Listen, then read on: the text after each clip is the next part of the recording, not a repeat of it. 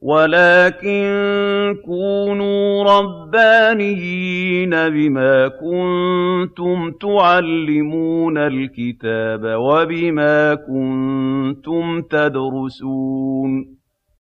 شيخ العمود وأهل العلم أحياء. شرح المعلقات مع الأستاذ أبو قيس محمد رشيد المحاضرة الرابعة. وقد انعقدت هذه المحاضرة يوم الجمعة. بتاريخ الرابع عشر من سبتمبر عام 2018 من الميلاد. الموافق الرابع من المحرم. بعد صلاة العصر بمدرسة شيخ العمود بحي العباسية محافظة القاهرة. السلام عليكم ورحمة الله وبركاته. عمتم مساء. طبعا أنا بوضح أن عمتم مساء ديت براءة استهلال خاصة بال... بمناسبة المقام وأننا غارقون مع الجاهليين أو مع آبائنا قبل الإسلام. فقط. نعم. لا أحب في الحقيقة كلمة الجاهليين يعني. فيها نوع إساءة نوعا. لكن مع شعراء ما قبل الإسلام. نحن الآن سنفعل ما فعلناه مع سما لك شوق ومع ألا عم صباحا. ستكون هنا تمثلات للقصيدة. تمثلات مشتركة تطبيقات مشتركة. وهذا يعتبر من أنفس ما نقوم به في هذه المجالس أن نشارك في تفهم القصيدة للأسف الشديد ما زال إلى الآن فهم القصائد مبنيا على فهم بعض الأبيات هكذا وانظر المعنى البيت حلو المعنى جميل وكذا بيت هنا وبيت هناك وتنتقى في المجالس. لو كان الشعر هكذا ما جلست هذه المجالس. وما عقدت هذه المحاضرات وما قلت شيئا. وأنا قلت لكم اقرأوا في البيوت وأنا أقرأ في البيت وأتسلى وخلاص. لكن الشعر ليس كذلك. القصيدة يعني قصيدة يعني عمل فني يعني قول يعني قافية واحدة يعني وزن واحد يعني غرض واحد يعني باب واحد يعني عمل مغلق ينبغي أن ندرسه. كون القصيدة الجاهلية أو قصيدة ما قبل الإسلام صعبة ولا نفهم كثيرا منها ولا نفهم بنيتها هذه مشكلتنا نحن وليست مشكلة العمل الفني. هذه مشكلتنا نحن وأذكركم بكلمة يعني قرأتها الأستاذ محمود شاكر رحمه الله في نمط صعب نمط مخيف. يقول ضياع الأمة بضياع يعني إذا ضاع يضيع من الأمة الكثير. حتى إذا ضاع شعرها ضاع كيان الأمة. ضاع وجودها لأنك فقدت اللغة التي تختزن أسرارك. يعني لا تستطيع أمة أن تغير لغة الشعور عند أم عند أمة أخرى لأنها لا يترجم. فإذا أنت فقدته وانفلت من يدك انفلت سرك. يعني حتى السلاح الذي تملكه ولا يملك لا يملك أحد أن يأخذه من يدك وقع من يدك. خلاص انتهى. أنت تبقى معك ما تبعث به ما تبعث به لغتك يبعث به لسانك. هو هذا الشعر هذه القصائد التي ستبقى أنت فقط التي تفهمها. لا أقصد العربية الصليبة العربية النسب. سيبويه عربي. سيبويه عربية أقصد حين أقول أئمة العربية أقصد سيبويه وأقصد ابن جني وأقصد هؤلاء.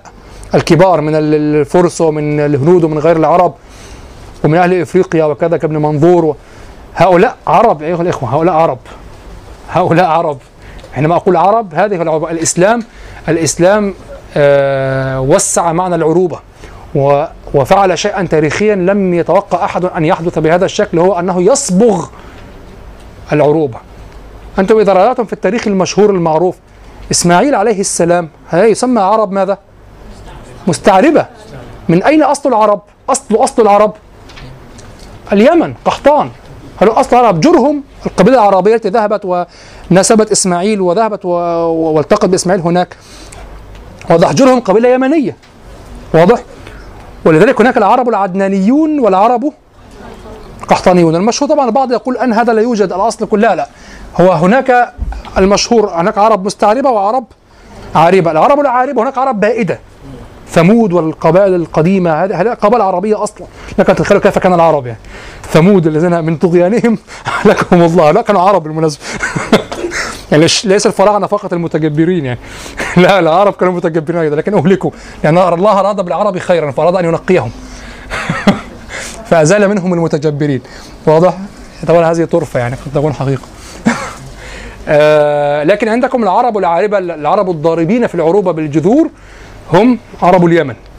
واضح والقبائل العربية القحطانية العرب الذين استعربوا بالنسب والإقامة وقرون مرت عليهم في ميقات العرب وكذا هم هم نسل الأنبياء أصلا.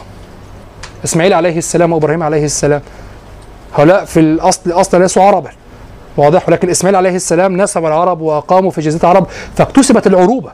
وكذلك الإسلام أكسب. حد أنت ترى في كل الدروس الشعر العربي الشعراء العرب يقول أبو نواس الشاعر العربي.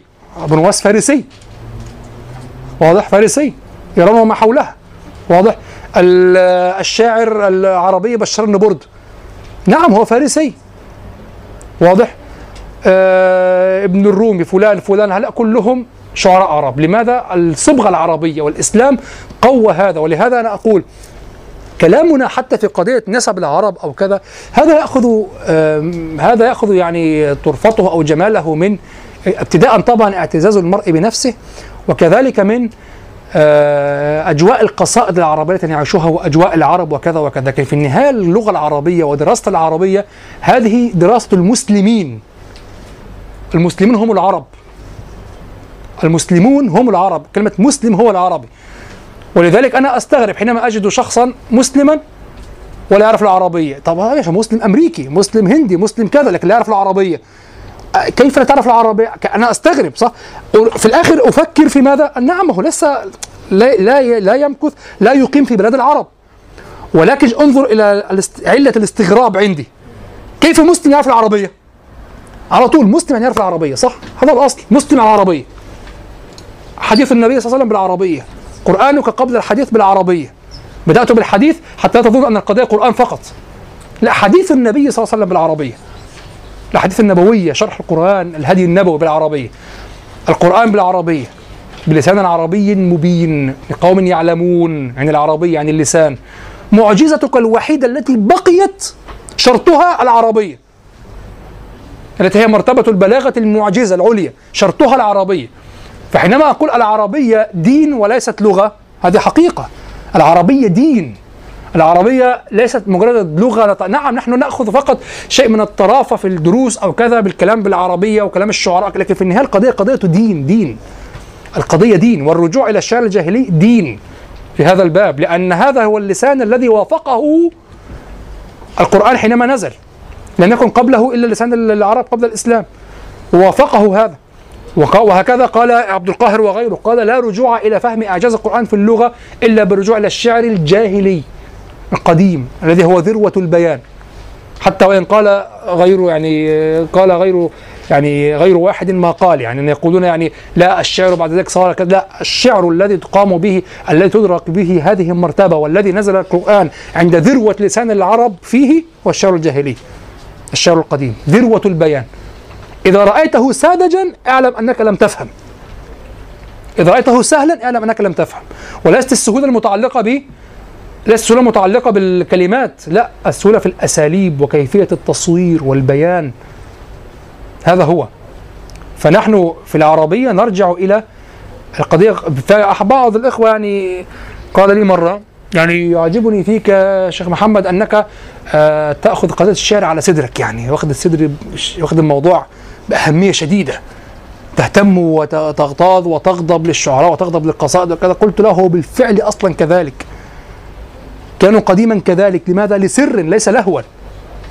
علماء الإسلام كانوا قديما كذلك. انظر في في مرضه الذي مات فيه أو في آخر حياته الأصمعي يسأله عن افحل الشعراء. من الأشعر؟ ولما رآني أكتب لا أكتب ما هذا الكلام؟ هو ليس حديث يعني. ليس روايات أحاديث وأحكام وقراءات. واضح قراءات قرآنية. لا هذا وليس فقه. لا هذا الشعر هذا شرط شرط فهم القرآن. وإن كان بطريقة غير أن تفهم حينما تفهم من الأشعر هذا أو ذاك ستنتقل منه إلى لماذا كان الأشعر؟ وستنتقل من هذه المعلومات إلى دراسة مشكلتنا لن ننتقل من المعلومات إلى استعمال المعلومات. هذه مشكلتنا. تنتقل إلى لماذا كان الأشعر؟ كان الدكتور الرافعي في مرة مصطفى صادق الرافعي قال حينما تقرأ شعر من القيس تشعر لأول وهلة أنه لا يوازي شهرته لأنك خدعت في السهولة خدعت في الجودة. ولكن أنا الذي جعلني أط يعني يعني أدرك امرأة القيس أنني أنا في الأول أول ما قرأت كنت مبهورا بزهير فقط. لماذا ليس؟ لأنني أدركت جودة زهير كانت بعيدة عن شاربي أصلا في هذا الوقت بعيدة عن شنبي. لكن زهير بن أبي سلمى أقرب إلى الروح الإسلامي. حكمة ومعاني كانوا ينطقونها لنا في النصوص في الثانوية والإعدادية فتربينا عليها وكذا فأعجبني جدا جدا. ورأيت الشعر من القيس غريب لا ليس مرصوصا هكذا ليس مرصوفا ليس معاني هكذا ما دخل خدر ما, ما شأني وخدر عنيزة أنا. ما يوم دخلت الخدر خدر عنيزة. فقالت لك الويلات إنك مرجلي. والله طب أنا مالي بالقصة واضح؟ لكن مكانة امرئ القيس والإجماع الذي عليه وترجيح الجمهور على الأقل له ورفعه على زهير. جعلني أقول ولا أدري إذا كانت هذه الفضيلة لأجل أنني أزهري أم لماذا؟ قضية أنني لا أتسرع في هذه الأحكام. أقول هناك شيء أنا لا أفهمه. ربما لأنني منذ نعومة أظفار نشأت مع التراث في الأزهر. فأعرف أن هناك أسرار دائما هناك علل وكذا خاصة في كتب كتاب الاختيار المذهب الحنفي واللباب شرح الكتاب وكذا. دائما تستغرب مسألة تظنها سطحية ثم ترى علة. فكنت أحترم نفسي كما يقال. لا أتسرع وأقول لا أنا قلت مرة لأحد الأصحاب قلت له أنا يعجبني زهير جدا أو لا ترسل لقد قال امرؤ قيس أعلى. نظرت هكذا أنا لا أعترف بالنسبية. فلان أعلى عندي وهذا أعلى عندك والدنيا أنت صواب وأنا صواب؟ لا النسبية عدم. كلمة كذا بالنسبة إليك لا هو كذا بالنسبة إلى نفسه لأنه كذا وأنا أدرك هذا الكذا. لكن لا يوجد نسبية فأنا لا أعترف بالنسبية. قلت لعله هناك نسبية نسبية. يعني هناك هو يراه لكن وجدت التأكيدات على تقديم من القيس وكذا فصبرت على نفسي كما يقال وأخذت أخذ يتكشف لي والآن أنا مفتون لا وهي نفس نفس القصائد التي قرأتها قديما نفس القصائد يعني. واضح؟ وأرى أنهم لم يعط الذين قالوا لي هو أعلى لم يعطوه حقه. واضح؟ المهم أن تصبر على نفسك. فهذه معلومات تستعمل. حينما نقول لك أشعر الشعراء والأصمعي في آخر حياته يمليها. عمر بن الخطاب أبعد الشخصيات من الصحابة؟ ربما تظن أن أبا بكر رضي الله عنه رجل سهل لو مزحه أحد يمزح. وكذا رجل سهل ولين الخلق وكذا وسريع البكاء وكذا. يعني فيه ليونة وكذا وكان أقرب إلى النبي صلى الله عليه وسلم يعني في خلقه وفي حياته وكذا معه وكان لينا جدا. لكن تتخيل أن عمر بن الخطاب لهوا أو كذا فعمر بن الخطاب يبدأ حتى لا يحرج. تقول مثلا أحرج لا هو يبدأ يسأل يأتيه وفد من غطفان. يقول لهم من منكم الذي يقول ومن منكم الذي يقول آه، ولست بمستبق أخا لا تلمه على شعث أي الرجال المهذب. فقال له هذا النابغة من ذبيان فقال هذا أشعركم. هذا بعد أن مات النابغة وخلاص في الإسلام خلافة عمر رضي الله عنه. ولما جاءه وفد غطفان كذلك تقريبا هو نفس الوفد الذي حضر يعني يقول له يقول لهم لقد كان يقول فيكم زهير فيحسن في آبائكم. فقالوا وقد أعطيناه فأكثرنا. فقال ذهب ما أعطيتموه وبقي ما أعطاكم. قالها بصيغة غاضبة يعني. ذهب ما أعطيتموه وبقي ما أعطاكم. يعني أنت تقول نعم ونحن كنا نجازيه على ذلك كنا نعطيه الكثير يعني. واضح؟ فقال ذهب ما أعطيتموه وبقي ما ما أعطاكم. واضح؟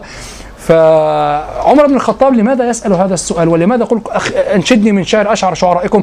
وانظر كان لا يعاضل بين الكلام ولا يتبع وحشيه وهذا في الخلافة واضح؟ ولا يمدح إلا بما فيه. هذا يعرف شعر زهير. إذا فحص في شعر زهير واضح؟ هذا لم يكن لغوا ولهوا.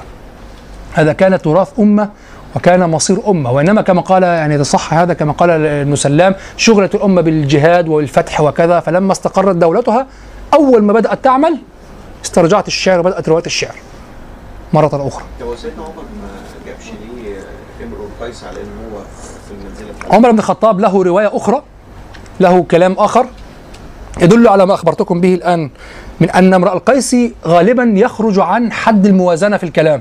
يعني لا يستحضرونه لأنه الأب في الشعر. كل الشعر الموجود الآن امرؤ قيسي. كل الشعر الموجود بين أيدينا الآن. يقال فيه بالمناسبة يقال امرؤ قيسي وامرؤي. لا تقول قيسي. يقال امرؤ قيسي بالنسبة إلى الإضافة هنا تقول امرؤ قيسي وتقول امرؤي. كل الشعر الموجود الآن امرؤ قيسي. عمر بن الخطاب لما سئل عن الشعراء قال أولهم امرؤ القيس خسف لهم عين الشعر فافتقر عن معان عور أصح بصر.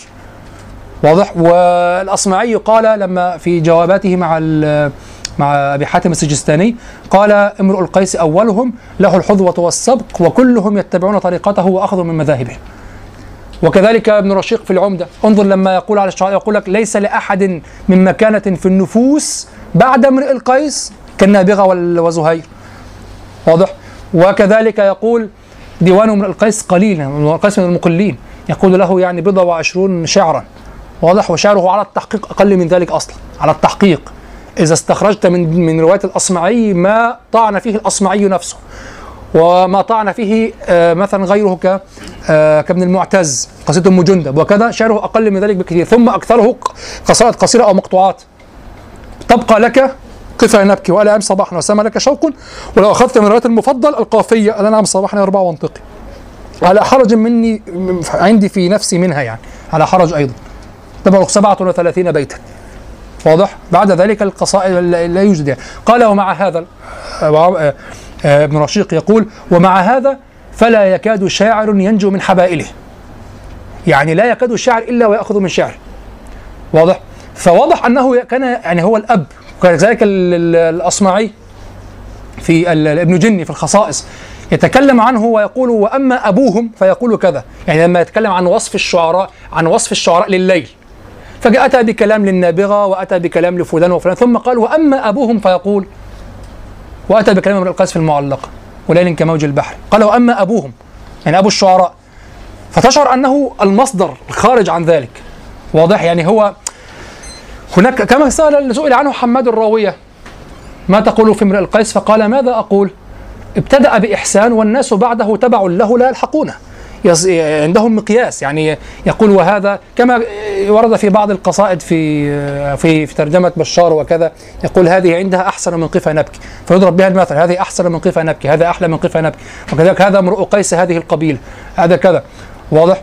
فيضرب به المثل فهو واضح أنه خارج عن قضية نعم ال- المقارنة بسبب المصدرية في الشعر والجودة وأنه يقاس عليه.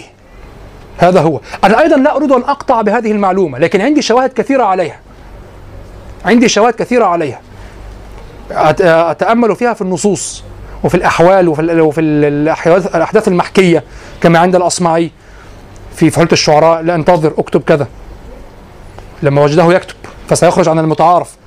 وكذلك لما لما جرير وصف شعر زهير والفرزد شعر زهير والنابغة وكذا فقالوا وما تقول وما تقول في امرئ القيس؟ فقال الخبيث اتخذ الشعر علينا يطأهما كيف شاء. خلاص هذا مدح في. خلاص يعني اتخذ الشأن علينا يطأهما كيف شاء فأقسم بالله لو لو أدركته لرفعت له ذلاذله طب لماذا لم تصف شعره في الأول لما يحسنه؟ هو كأنه يقول يعني أقول إيه؟ ما اتخذ الشعر علينا يطأهما كيف شاء كلمة كيف شاء معناها؟ ما معناها؟ يعني يضرب في أي معنى أراد بنعلين هما الشعر. واضح؟ فأقسم بالله لو أدركته لرفعت له ذلاذله واضح؟ المهم فكما أقول الشعر قضية. الشعر قضية وللأسف أدرك هذه القضية بعض بعض الحاقدين على الإسلام. بعض المستشرقين الحقيقة مثل المستشرق من؟ آه، رودي بارت. رودي بارت مستشرق ومشارك في موسوعة الأدب العربي المطبوعة في مركز مركز قومي للترجمة والنشر. لف قرأت كلامه لفت نظري أنه فهم شيئا مهما جدا. قال طبعا هو يعتقد أن النبي صلى الله عليه وسلم رحمك الله يعتقد أن النبي صلى الله عليه وسلم هو الذي ألف القرآن وكذا. فقال هي أمة فصيحة. فلما أراد أن يسيطر على عقول هذه القبائل وهذه الأمة كان لابد أن يأتي بكتاب يسيطر عليها وأن يكون المدخل إلى هذه القبائل العربية المتناحرة بالشعر هو كتاب فصيح. فأتى بهذا الكتاب. طبعا صح الله تفضل. فطبعا يعني هو يحتاج هنا إلى سؤال يعني. هو من جهة أخرى يطعن في بلاغة القرآن كثيرا. واضح؟ طيب وكيف استطاع هذا الكتاب الواحد أن يسيطر على كل هذه القبائل المتناحرة بالأدب؟ وأنت اعترفت أنه لابد أن يكون له مدخل أدبي. يعني ليس هذا موضوعنا. الشاهد أنه ماذا قال؟ قال أمة العرب كانت آه قبل أن تتسع في دولتها تعنى بالإبداع. يعني كان الجاهليون الشعراء قبل الإسلام ينتجون القصائد. ويحكمون عليها أحكاما ذوقية يعني لا يعللون لكن هم يعرفون. ويعرفون يف- يفهمون بعضهم ويشعرون بشعورات واحدة. فهم يفهمون بعضهم يعتمدون على هذا يستغنون به عن التصريح. وأتى محمد صلى الله عليه وسلم بهذا الكتاب الفصيح ليقدس عند العرب فكرة البلاغة وكذا وظلت الأمة كذلك. فلما بدأت تتوسع لتفتح بلادا غير بلاد العرب كان يحتاج إلى أن ينتقل هي لا تفهم العربية لا الإبداع ولا غير الإبداع. يعني لا الكلام العادي ولا المبدع. فقال كان ينبغي حتى تستمر هذه الإمبراطورية القائمة على اللغة أن تنتقل من إنتاج الإبداع إلى تحليل وشرح الإبداع ليفهموه غير العرب. هو يقول يعني يفهموه غير العرب. فبدأوا هنا ينقضوا الشعر وبدأوا يعللون جودة الشعر. وبدأوا يؤلفون ال- الكتب في نقد الشعر ويشرحون الشعر وكذا ليفهموه غير العرب. فيشعروا يدعم هذا الشعور بروعة الكلام العربي يدعم الشعور بدعوى الإعجاز. فانتقلوا من شرح الإب من إنتاج الإبداع إلى شرح الإبداع فقل الشعراء وكثر النقاد. بقطع النظر عن قياساته الفكرة العامة عنده واضح أنه يفهم ما يجري. واضح؟ يقول كان لا كيف تستمر بحجة البلاغة والإعجاز القرآني في أمة غير عربية لن تدرك أن تشرح لهم هذا الكلام. الآن توقفوا في الدولة الأموية وبعد الأموية توقفوا الآن عن الإنتاج قليلا وابدأوا في الشرح. لماذا نحتاج إلى أن ننقل هذا الكتاب إلى غير العرب؟ القرآن. ومن يقول ومن هنا قدس العرب الشعر لأنه هو النص الذي لو فهموه فهموا القرآن. قدس العرب يقول قدس عرب الشعر. طبعا يرى أن لذلك تجاهلوا العرب تجاهلوا أن كثيرا من الشعر يعارض أخلاق المسلمين والشعائر الإسلامية وكذا. يقول ويؤلفون كتاب الأصنام. هناك كتاب الأصنام في الشعر. كتاب الأصنام من مصادر الأدب القديم. كتاب الأصنام وما يروى فيها من الشعر وكذا. كتاب الأصنام. واضح؟ يؤلفون في الخيل في الأصنام في كذا في الغزل. ويأتون في كتب التفسير يأتون بالأشعار التي فيها فحش وكذا. يقول تجاهلوا كل المخالفات لدينهم لأن عينهم على نشر هذا الكتاب ولا يعنيهم محتوى النص المنقول عن القدماء عن غير المسلمين. واضح؟ فنحن الآن بقطع النظر عن كلام هذا الحاقد. آه نحن الآن نريد أن نفهم بالفعل قرآنا. أعرف أنها خطوة لكن لابد منها ضرورية. المهم أن تأخذها في الطريق الصحيح وأن تكمل بعد ذلك. وإن لم تكمل أنت يعني وضعت غيرك على هذا الطريق وشرحت له ونبهته للآن للآن إذا قرأت العلاقات بين ما يقسم به في أوائل السور القرآنية وبين السورة كله متكلف. والعاديات ضبح فالموريات قدح فالمغيرات صبح فأثرن به نقع فوسطن به جمع. هذا القسم. جواب القسم إن الإنسان لربه لكنود. ترى مثلا كأن الله يقسم بالنعمة التي أنعم بها الإنسان وهي الخير. النعم كثيرة. لماذا إن الإنسان لربه لكنود؟ وإنه على ذلك لشهيد وإنه لحب الخير لشديد. ما العلاقة بين هذا الغبار النقع الذي أثارته الخيل وكذا وهذه الأصوات صوت الضبح وكذا؟ وبعثر ما في القبور. هناك علاقات. تمرسك في الشعر هو الذي يوقفك على تفسير هذه الصورة. تمرسك لا لا شيء آخر. لأن القرآن نزل على قانون القصيدة العربية في هذا. مع اختلاف طبعا جنس القصيدة عن جنس الصورة ومع اختلاف مرتبة البيان. لكن الفاصلة قابلتها الآية. الذين يحضرون معنا علوم القرآن يفهمون ما أقول. الفاصلة قابلتها الآية. ال- ال- الفاصلة قابلتها القافية في الشعر. واضح؟ والبيت قابله الآية. وابن الأثير لما تكلم على التضمين وهو عدم تمام المعنى في البيت استشهد بآيات القرآن على صحة ذلك في الشعر. قال والقرآن يتم عند وجود الصوت الذي هو السجعة أو يشبه السجعة وكذا والذي هو يناظر الفاصلة الشعرية القافية الشعرية ومع هذا لا يتم المعنى في القرآن فلا يجوز أن تقول سيئا في الشعر. لو قلت سيء في الشعر إذا هو سيء في القرآن. شوف ناظر بين الكلام.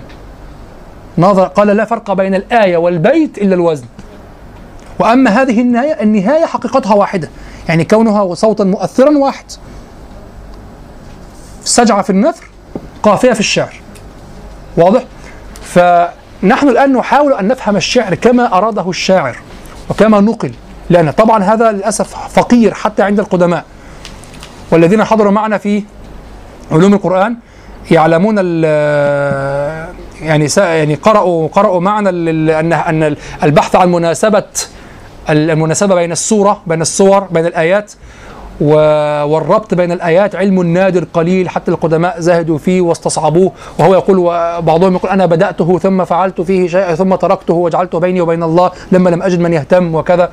بل البعض يقول لا مناسبة بين الآيات لأن القرآن نزل مفرقا. تخيلوا؟ في علوم القرآن موجود لو في نسخة تشوفوا أقرأ لكم الكلام. يقول البعض يقول ولا صح ولا صحة لمن يقول لا مناسبة بين الآيات لأن القرآن نزل مفرقا. يعني لم ينتبه حتى إلى أن الله سبحانه وتعالى هو الذي جمع الصورة واحدة جعلها عملا واحدا. شوف هذا في القدماء في من يقال فيهم علماء أيضا. فلا تستغربوا. سترون في نقد البقلاني لمعلقة من القيس قفا نبكي بالفعل ما يضحك منه لولا أنه البقلاني الإمام المتكلم الكبير العلم إمام جليل. لكن كلامه في خصوص النقد القصيدة كلام ساقط تماما. لا يقال لا يقال من متذوق عادي. حاول الدكتور محمد أبو موسى أن يعني يتخفف وقال هو صدمه ما قالوه لأن في زمنه هناك من قال الشاعر القيس أجود أحلى من القرآن وأجود من القرآن فتعصب لهذا وصدمه ثم هاله الفرق البلاغي الكبير بينه وبينه بين القرآن وبين الشاعر القيس فتكلم بهذه الطريقة وتكلم بكلام يعني ما كان ينبغي أن يتكلم محاولة اعتذار. وإلا فالرجل في الكتاب لم يكن يعني يهدي كان كان يفكر فيما يقول. واضح. لكن الناحية الذوقية عنده لم تكن ترقى إلى هذا المستوى الذي ينقض به معلقة امرئ القيس. وسترون هذا بأنفسكم. وستتمنون أن هذا الكتاب يكون مكذوبا عليه. ستتمنون ذلك بالفعل لجلالة هذا الإمام وللتفاوت العظيم بين مكانه وبين ما كتبه. يعني مكانه في علم الكلام إمام كبير بالفعل. وبين ما كتبه في التذوق الشعري. فهذا أمر نادر. عليكم أن تبذلوا فيه الجهد الكبير حتى يبقى في الأمة وحتى لا يضيع. القرآن بلسان عربي مبين اللسان لا يحوي الصحة النحوية فقط اللسان يحوي طرائق العرب في البيان. نعم. طيب الآن أول ما نفعله هو أن نتمثل هذه القصيدة. ومعنى أن نتمثل القصيدة من ما حضر معي في العام صباحا؟ ما شاء الله الأكثر النصف تقريبا العام صباحا. طبعا تكلمت عن قضية تمثل القصيدة، تمثل القصيدة بسرعة هو أن نقرأها قراءة سريعة. لا نق... لا نعرف بعض الكلمات ليس مهما. اختلاف الروايات ليس مهما. أن تتدبر المعاني لا ممنوع. تمر على القصيدة مرورا سريعا تستشرف بذلك الغرض من القصيدة في أي باب من هذه القصيدة، ماذا يريد الشاعر من هذه القصيدة؟ واضح؟ هذا هو معنى تمثل القصيدة. هل نعد ما قرأته في القراءة في المجلس في آخر المجلس الماضي تمثلا ولا؟ يعني أول مرة؟ طيب نحن الآن سنمر على القصيدة. أنا سأقرأها أتلوها وأنتم تنظرونها أتلوها تلاوة سريعة ونحاول أن نقف من هذه القراءة على الغرض من هذه القصيدة. المعروف والذي يقال قد يكون صوابا قد يكون خطأ. قال يمدح فلانا. فالقصيدة مدحة. كما في بدائح النابغة للنعمان بن المنذر وكما في مداح الشعراء لعمرو بن هند وهكذا. وكما في بعض القصائد الأخرى لزهير في ال... وكما في الأعشى في قصائد كثيرة. من شعره. وكما في قصائد زهير في هرم بن سيران أيضا. واضح؟ طيب. وكما في أوس بن حجر ل... لكرام أشراف آخرين. يقولون هي في المدح. نحن الآن نريد أن نكتشف هذا. هل هي في المدح أو ليست في المدح؟ هل يمدح بها هل قالها يمدح على طريقة المدح وقانون المدح أو لا؟ نريد أن نعرف في كلمة وكلمتين أو ثلاث كلمات. ما الغرض الذي وضعت لأجل هذه القصيدة ما الدافع الذي جعل الشاعر يضع هذه القصيدة؟ فنستشرف ونحاول أن نفهم. وما لا نفهمه يعني في ارتباط الكذا مثلا ارتباط المقدمة بالقصيدة سنؤجله لا إشكال. أمن أم أوفى دمنة لم تكلم بحومانة الدراج فالمتثلم ودار لها بالرقمتين كأنها مراجع وشم في نواشر معصم. بها العين والأرآم يمشين خلفة وأطلاؤها ينهضن من كل مجثم. وقفت بها من بعد عشرين حجة فلأيا عرفت الدار بعد التوهم أثاثي سفعا. في معرس مرجل ونؤيا كجذم الحوض لم يتثلم فلما عرفت الدار قلت لربعها ألا عم صباحا أيها الربع واسلمي. تبصر خليلي هل ترى من ضعائن تحملن بالعلياء من فوق جرثم علون بأنماط عتاق وكلة وراد حواشيها مشاكهة الدم. وفيهن ملهى للصديق ومنظر أنيق لعين الناظر المتوسم. بكرن بكورا واستحرن بسحرة فهن لوادي الرس كاليد للفم. جعلنا القنان عن يمين وحزنه ومن بالقنان من محل ومحرم. ظهرنا من السبان ثم جزعنه على كل قيني قشيب مفأم. كأن فتاة العهن في كل منزل نزلن به حب الفنا لم يحطم فلما وردنا الماء زرقا جمامه وضعنا عصي الحاضر المتخيم سعى ساعي غيظ بن مرة بعدما تبزل ما بين العشيرة بالدم. فأقسمت بالبيت الذي طاف حوله رجال بنوه من قريش وجرهم. يمينا لنعم السيدان وجدتما على كل حال من سحيل ومبرم. تداركتما عبسا وذبيان بعدما تفانوا ودقوا بينهم عطر منشم. وقد قلتما إن ندرك السلم واسعا بمال ومعروف من الأمر نسلم فأصبحتما منها على خير موطن بعيدين فيها من عقوق ومأثم. عظيمين في عليا معد وغيرها ومن يستبح كنزا من المجد يعظم. فأصبح يجري فيهم من تلادكم مغانم شتى من إفال المزنم. تعفى الكلوم بالمئين فأصبحت ينجمها من ليس فيها بمجرم. ينجمها قوم لقوم غرامة ولم يهاريقوا بينهم بينهم ملء محجم. فمن مبلغ الأحلاف عني رسالة وظبيان؟ هل أقسمتم كل مقسم؟ فهو فلا؟ فلا فلا تكتمن الله ما في نفوسكم ليخفى ومهما يكتم الله يعلم يؤخر فيوضع في كتاب فيدخر ليوم الحساب أو يعجل فينقم وما الحرب إلا ما علمتم وذقتم وما هو عنها بالحديث المرجم متى تبعثوها تبعثوها ذميمة وتضر إذا ضريتموها فتضرمي فتعركم عرك الرحى بثفالها وتلقح كشافا ثم تحمل فتتئمي فتغلل لكم ما لا. صح؟ فتنتج لكم غلمان أشأم كلهم كأحمر عاد ثم ترضع فتفطمي فتغلل لكم ما لا تغل لأهلها قرى بالعراق من قفيز ودرهم. لعمري لنعم الحي جر عليهم بما لا يواتيهم حسين بن ضمضم. وكان قشحا وكان طوى كشحا على مستكنة فلا هو أبداها ولم يتجمجم. وقال سأقضي حاجتي ثم أتقي عدوي بألف من ورائي ملجم فشد ولم تفزع بيوت كثيرة لدى حيث ألقت رحلها أم قشعم لدى أسد شاك السلاح مقذف له لبد أظفاره لم تقلم جريء متى يظلم يعاقب بظلمه سريعا وإلا يبدى بالظلم يظلم. رعوا ما رعوا من ظمئهم ثم أوردوا غمارا تسيل بالرماح وبالدم. فقضوا منايا بينهم ثم أصدروا إلى كلأ مستوبل متوخم. لعمرك ما جرت عليهم رماحهم دم ابن نهيك أو قتيل المثلم. ولا شاركوا في القوم في دم نوفل ولا وهب منهم ولا ابن المحزم. فكل أراهم أصبحوا يعقلونهم. علالة ألف بعد ألف مسطم تساق إلى قوم لقوم غرامة. صحيحات مال طالعات بمخرم. لحي حلال يعصم الناس أمرهم. إذا طلعت إحدى الليالي بمعظم كرام فلا ذو الوتر يدرك وتره لديهم ولا الجاني عليهم بمسلم سئمت تكاليف الحياة ومن يعش ثمانين حولا لا أبا لك يسأمي رأيت المنايا خبط عشواء من تصب تمته ومن تخطئ يعمر فيهرمي. وأعلم علم اليوم والأمس قبله ولكنني عن علم ما في غد عمي. ومن يك ذا فضل ومن لا أه؟ ومن لا يصانع في أمور كثيرة يدرس بأنياب ويوطأ بمنسم. ومن يك ذا فضل فيبخل بفضله على قومه يستغنى عنه ويذمم ومن يجعل المعروف من دون عرضه يفره ومن لا يتقي الشتم يشتمي. ومن لا يذد عن حوضه بسلاحه يهدم ومن لا يظلم الناس يظلم ومن هاب أسباب المنية يلقها ولو رام أسباب السماء بسلم. ومن يعص أطراف الزجاج فإنما يطيع العوالي ركبت كل لهذم. ومن يوفي لا يذمم ومن يفضي قلبه إلى مطمئن البر لا يتجمجم ومن يغترب يحسب عدوا صديقه ومن لا يكرم نفسه لا يكرم ومهما تكن عند امرئ من خليقة وإن خالها تخفى على الناس تعلمي ومن لا يزل يستحمل الناس نفسه ولا يغنيها يوما من الدهر يسأمي ما معنى القصيدة؟ ما غرض القصيدة؟ من يعرف؟ يرفع يرفع هذا يعني تفضل هل هي مدح؟ مد- مدحة؟ يعني قصيدة في المدح؟ فيها مدح. فيها مدح. فرق بين مدحة وفيها مدح. انتبه. اللي أنا إن هو قبل ما يكتبها أصلا كان عايز يخلط كل حرف فيها. كان عايز؟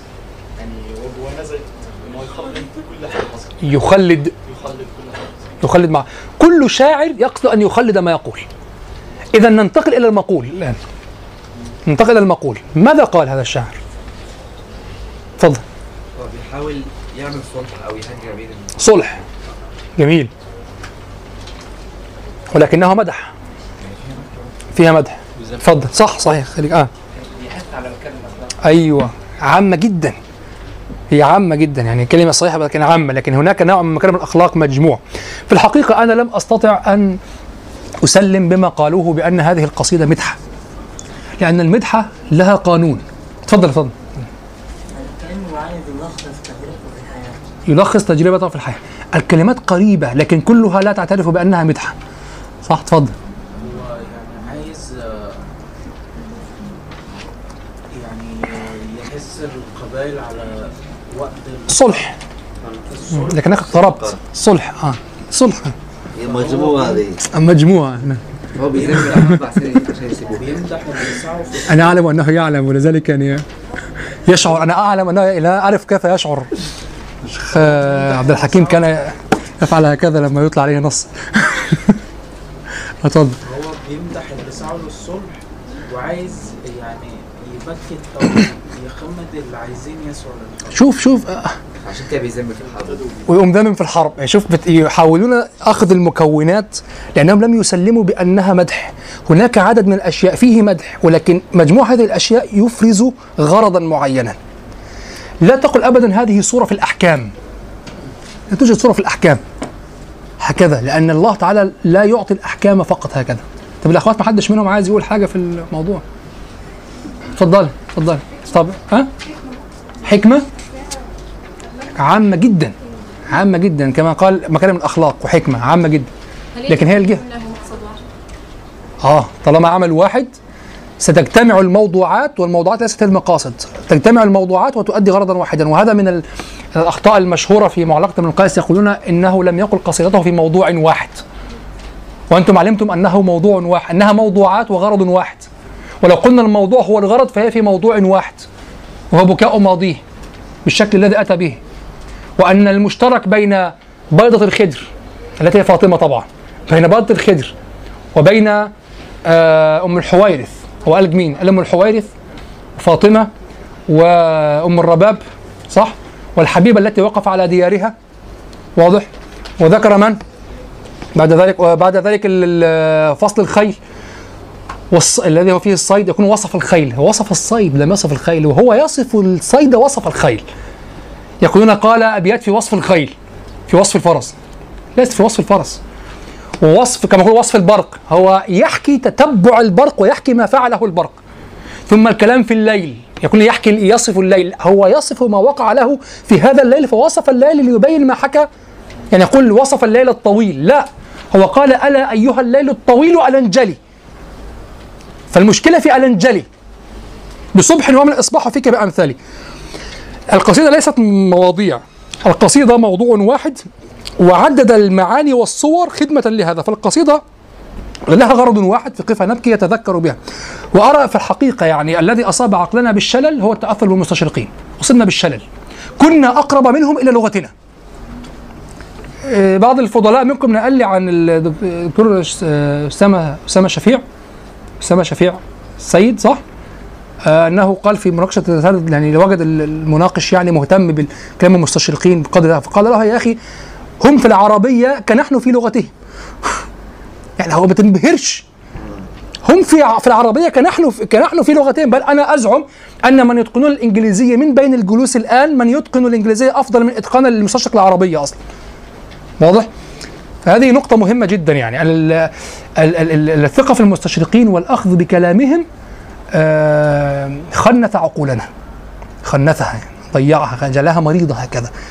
حتى أنا أظن أن كثير ممن اتبعوا كلام المستشرقين في تفسير امرؤ القيس أو غير امرؤ القيس أذكر دائما امرؤ القيس في المستشرقين لأن لأنهم يجعلون قفا نبكي أنموذج الشعر العربي على تفكك موضوعات القصيدة. أن لذلك قالوا هي قصائد أصلا. لم ي... قالوا في غيرها مفككة ولكن الشاعر هو كذلك قالها. في قفا نبكي قالوا هي قصائد. من ما ما يجدونه هم من تباين. يصف الخيل ويصف هي المشكلة عندك أن امرأ القيس وصاف إلى درجة بعيدة فإذا دخل في باب لا يخرج عن وحدة القصيدة أغرق فيه أنت عقلك انقطع. ذهب. وشرحت لكم هذا صح ووضحت لكم كيف أن القصيدة واحدة وأن هناك فواصل وأدوات لغوية لا يكفي كلام الإخوة خاصة غير العرب لا يكفي أن تعرف معنى الحرف في كتب المعاني الحروف. كما في معاني الحروف للمرادي وكما في مغني لبيب بن هشام. ينبغي أن تدور في كلام العرب لتعرف ثقافة استعمال هذه الأداة. يعني كلمة وقد واو استئناف وقد طب قد معروف معناه. لكن لما أتكلم أقول وقد أفعل في سياق التذكر تفهم وقد؟ تستطيع أن تقول في هنا في المجال المجاز الأدبي استعملتها استعمال التذكر أداة تذكر ويا رب كذا. الواو استئناف ويا اختلفوا فيها أو يا رب كذا هل هي للتنبيه أم للنداء؟ ورب وكذا و طيب ورب للتكثير أو للتقليل وعلى التفصيل الكلام. طيب ولكن ويا رب كذا في الشعر العربي يأتي بها الشاعر وهو يتذكر. كلمة يأتي بها وهو يفعل ليست في الكتب ليست في الكتب في القصائد.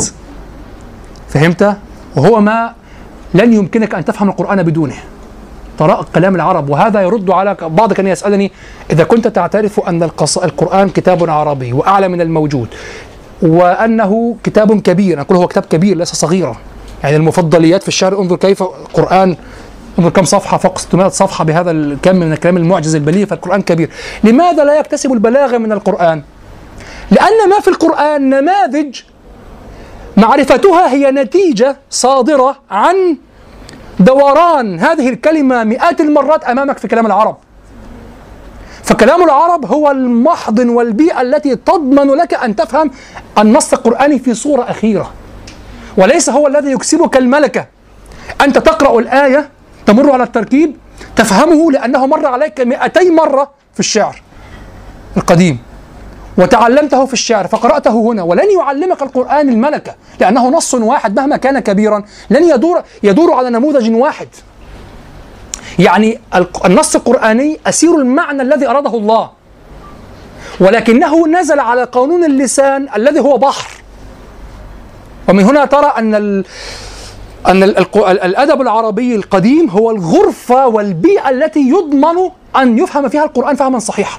لأنه النص الذي هو نتيجة الفكر خلاص ولماذا تدرس نحو؟ لماذا تدرس نحو؟ النحو ليس في القرآن صح؟ القرآن ليس فيه قواعد نحوية الصرف ليس في القرآن قواعد لماذا تدرس نحو وقرآن وبلاغة؟ لماذا؟ لماذا عندك معاجم؟ اقرأ القرآن في كل حاجة أيضا الأساليب البلاغية تتعلمها وتضرب عليها في الخارج ثم تجد النتيجة في القرآن في الأخير واضح؟ طيب آه لذلك أقول هنا بعد كل هذا لا تثقوا كثيرا في كلام المستشرقين. لا يعرفون ثقافة اللغة بعيدا عن شواربهم يعني. مستع... ليس نعرة ليس نعرة. نحن ولغتنا وأفسدوها. الشيوخ الوعاظ بتوع الأوقاف وبتوع كذا كلام محفوظ وأفس وهؤلاء الأغراب الأعاجم الذين ف... ف... لا هذا فسوى في الهواء لا يفعل شيئا يتوضأ منها. ها؟ ولا خاف ما بقولوش كده؟ عدينا المرحلة دي كمان؟ كان زمان كان أنا أصلا بتاع زمان بصراحة. أنا بتاع زمان. دلوقتي أنا بقعد في خطبة ما بسمعش حد. ببقى يعني عرفت حدودي في الخطبة ما بسمعش حد يمشي. أسمع آية في الأول كده خلاص. أذكر الله. هتتأذى يعني. تعمل إيه؟ المهم يعني. فيعني ولغتنا والكذا. طيب لا ليست نعرة. بالفعل كلام المستشرقين يدل على ضعف لا في فهم أصل اللغة ولا هو باحث جيد ولكن لا يستطيع أن يفهم أسرار الشعر العالي. ابدا مستحيل. الروابط. طيب من من من الذي كان مرشحا أو فهم شيئا منها لأنه شاعر؟ كما نبه على هذا محمود شاكر. جوتا الشاعر الالماني العظيم. شعر في موسيقى. قصيدة ابن أخت تأبط شرا أو تأبط شرا أو كذا سمع أو أو لكونها موضوع إسلامي سمع في موسيقى هذه القصيدة الحماسية حماسية يعني في ديوان الحماسة سمع في موسيقى هذه القصيدة ترابطا وعلاقة نبه عليها محمود شاكر وقال لأنه شاعر لأنه يفهم الشعر ولأنه كذا ولأنه عبقري سمع في هذا مع أنه لا يتقن العربية سمع موسيقى في هذه القصيدة. شعر ووصفها وصفا يقول انظروا هي وص... يعني هو وصفها ثم قال انظروا وصفي ووصفه ووصفه الوصفان يك... يكادان يتطابقان. شعر. بشيء عظيم مما شعر هو به. وأخذ يلومه بعد ذلك على بعض تعليقاته قال كان ينبغي أن يقودك هذا أن يقودك هذا الشعور إلى فهم أعلى. لكن الألماني في النهاية فكيف بمستشرق ألماني أو فرنسي أو إنجليزي يدرس اللغة هكذا؟ يعني لذلك محمود شاكر البعض يقول كان متعصبا على المستشرقين. معه حق. محمود ش... بمعنى ليس بمعنى غمط حقهم وفضلهم في بعض الأمور لكن بمعنى أنهم بالفعل لم يفهموا القصيدة العربية ولم يفهموا هذه الرواه محمود شاكر شغله وعمله فهم القصيدة العربية. فطبعا كان متوقعا أن يحتد عليهم وأن يكون يتخذ متخذا اتجاها هجوميا ضدهم يعني. طيب. آه فالقصيدة في الأخير نحن الآن قرأنا هذه القصيدة تفضلي هي هي ينفع نقول ان هو بيحكي تجربه في الحياة تجربته في الحياة عامة جدا. وأخوكم قال أختكم قالت الحكمة وأخوكم قال مكارم الأخلاق. كل شاعر يحكي تجربته. لكن في الحياة آه عامة من ضمن المعنى. لكن ما هي هذه هذا المعنى الذي حكاه في الحياة؟ تفضل. يتألم من هذه الحرب. الإيه؟ الصلح إقامة الصلح. لا هو ويشكو منها صح؟ خاصة في الأبيات الأخيرة ي- يخلو بنفسه ويتكلم. طيب أبدأ الكلام. أنا حينما قرأت هذه القصيدة في أول مرة بنية أنها يعني من قديم جدا بنية أنها آه، مدحة وكذا لم أرتح إلى أنها مدحة لم أستطع أن أقتنع تفضل. وكده ما وصلوش للمفاصل آه ما يفهموش الكلام ده. لأن مش عرب نفس لما يجي واحد بيمدح قلت أنهم ليسوا عربا في الوضع الذي نحن فيه. ال- الاستشراق بدأ في الحملة الفرنسية. ما لحقش لذلك أنا قلت المحاضرة اللي فاتت. أنا أنا قلت في الح... قلت في المرة الماضية لا لحظة قلت في المرة الماضية كلام المستشرق الآن بكر. المستشرق هو سيبويه؟ هو ابن جني؟ ابن جني وسيبويه نشأ مع أئمة المسلمين ومع أئمة العرب. وهؤلاء الأعاجم تلقوا سيبويه والأصمعي وهؤلاء كمان اسمها عربي. هؤلاء ال- الأعاجم يذهبون إلى الصحراء عندهم بدو في الصحراء يتكلمون العربية فصحاء لا يخطئون وبقيت فيهم الحجة كما قالوا امتدادا إلى نهاية القرن الثاني. لأن يعني البعض يقول لم ينتهي إلى نصف القرن الثاني وإنما امتدت إلى نهاية القرن الثاني. وأخذوا منهم لغة كان يعيش معهم عرب كانوا رواة شعر. سيب... آه، أبو نواس. أشوف مين ده جنب مرجوليو يعني مرجوليو إيه يعني؟ مش فاهم. أبو نواس الفارسي يقول رويت الشعر عن ستين امرأة من العرب. ها؟ يعني روى روى الشعر تحمل الشعر من ست النساء فقط. اللي تجلس تروي الشعر 60 امرأة فكيف بالرجال؟ 60 امرأة يعني النساء فقط. طبعا قطعا الرجال أكثر يعني. النساء فقط روى الشعر عن 60 امرأة من العرب. سواء كانت ما اخدوش حق لم يتحولوا زياده يعني هم ما اندمجوش هو اتكلم ليه واستعجل؟ هو استعجل. هو استعجل عارف استعجل؟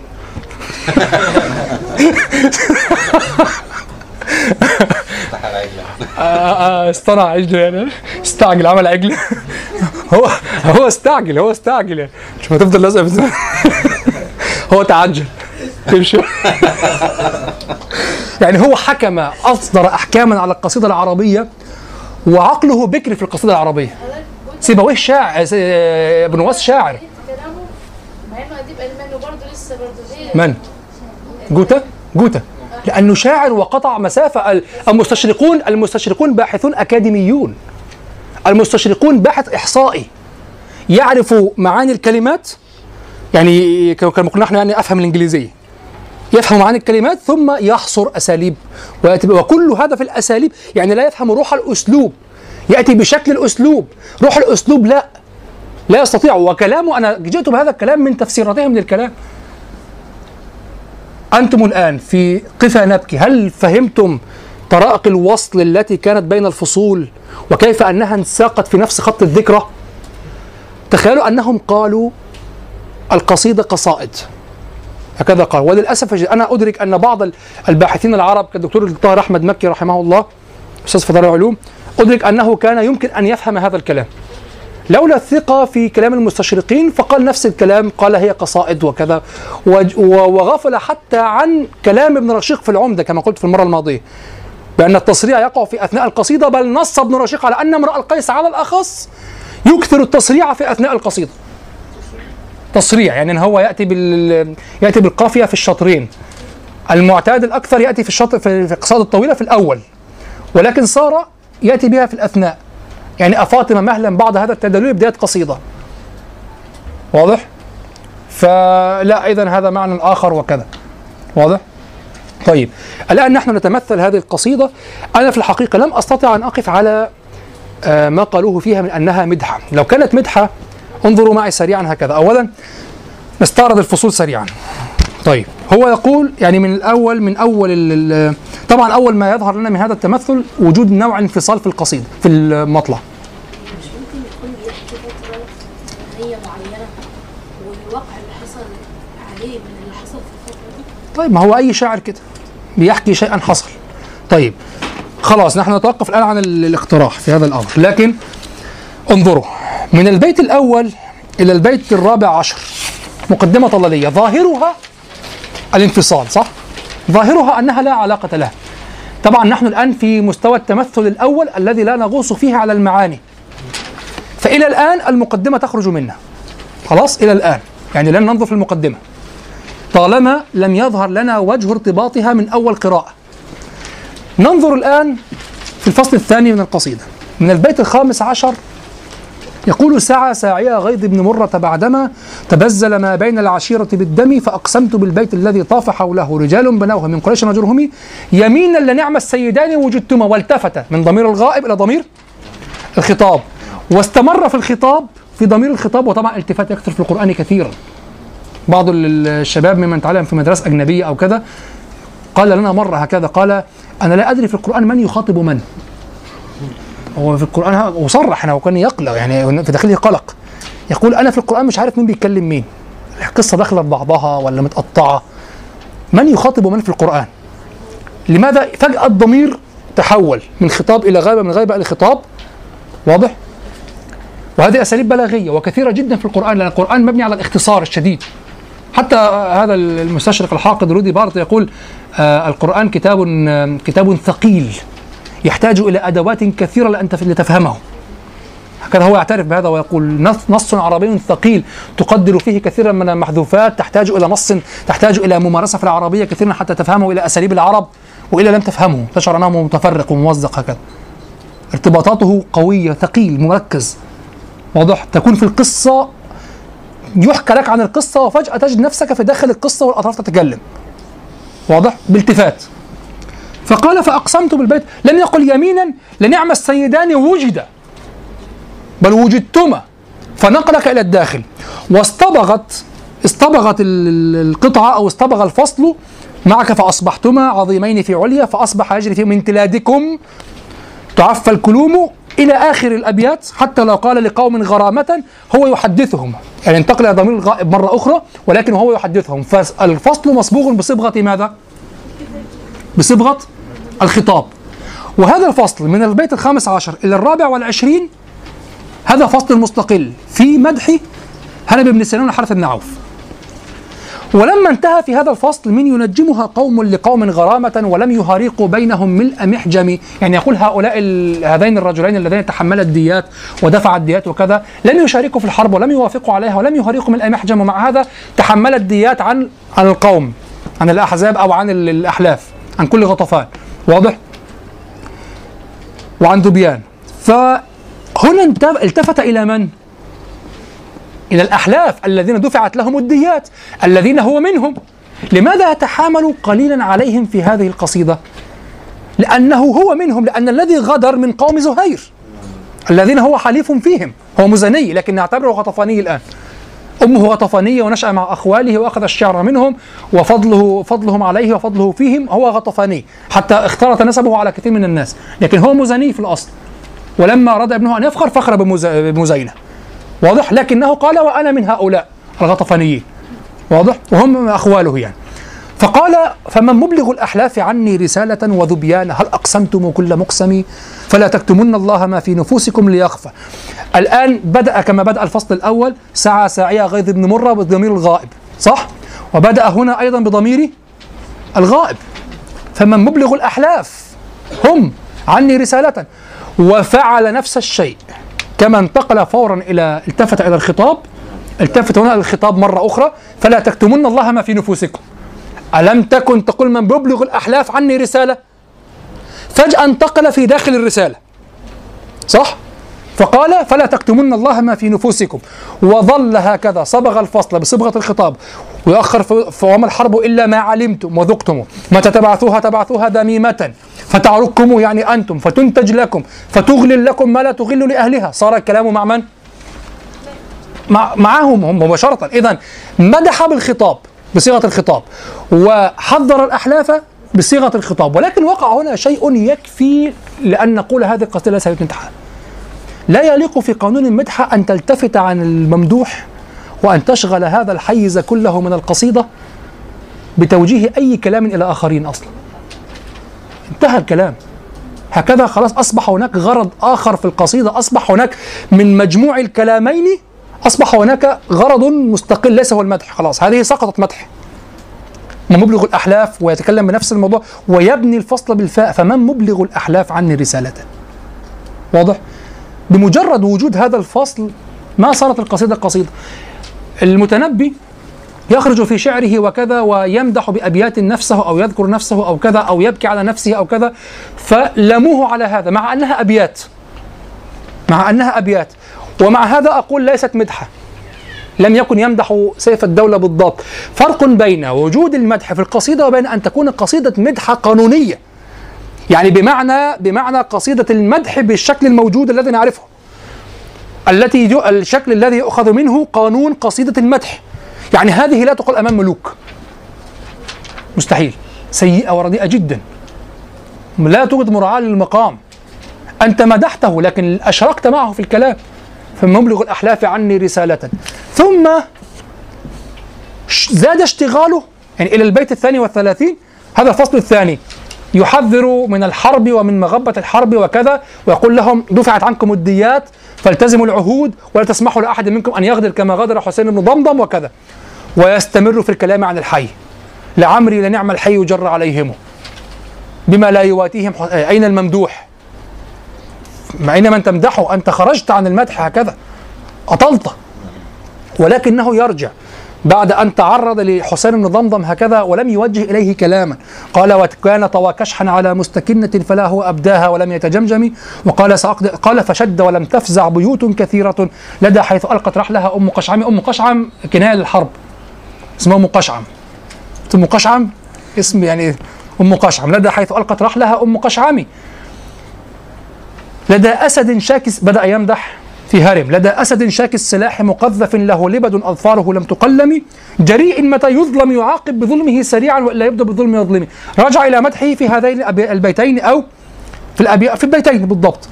ثم رعوا ما رعوا من ظمئهم. ثم أوردوا غمارا تسيل هو يصف لذلك بعضكم قال عصمة الدماء وكره الحرب وكذا ومكارم الأخلاق وكذا لأن القصيدة بالفعل يغلب عليها. أن يأتي المدح ضمن معنى آخر أوسع. حاصل كما قلت بالضبط وأنا كتبت هذه الكلمة من مجموعة هو مجموع أشياء تصدر معنى في الأخير. فيقول رعوا ما رعوا من ظمئهم ثم أوردوا غمارا تسيل بالرماح وبالدم. فقضوا منايا. لعمرك ما جرت عليهم رماحهم. دم ابن نهيك يرجع إلى الممدوح. وختم الكلام ولا شاركه في القوم وختم به الكلام. ثم خلا بنفسه طبعا إلى البيت السادس والعشرين. كرام فلا ذو الوتر يدرك وتره لديهم ولا الجاني عليهم بمسلم. طبعا هذا تمثل سريع جدا. واضح؟ أن تمثل الغرض يعني من القصيدة. ثم سئمت تكاليف الحياة ومن يعش. أنت في قصيدة تمدح بها رجلا. تخلو فيها إلى نفسك. بهذا الشكل سئمت تكاليف الحياة ومن يعش ثمانين حولا لا أبا لك يسأمي هذه أبيات ذاتية جدا لا تتعلق بموضوع القصيدة أو لا تتعلق بمباشرة المدح. لو قلنا أنها مدح تقف وتتلو ثلاثة عشر بيتا أمام الممدوح. أصلا كثير من الشعراء الإسلاميين لاموهم على إطالة المقدمة الغزلية في الأول. وقالوا إنما يعني أظن من عبد الملك بن مروان أو من مدحه شاعر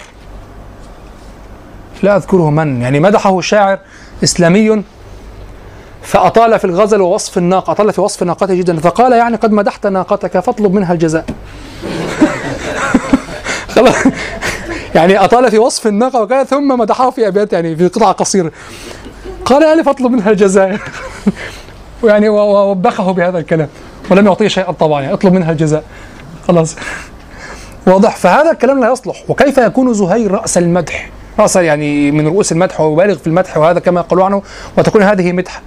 الأبيات الثلاث عشر الأخيرة كلها في الحكمة يقولها زهير من واقع تجربته وبدأها بقوله سئمت تكاليف الحياة وكذا فلا يظهر هنا أن يكون معنى القصيدة هو المدح كما يقولون أن الغرض منها هو المدح.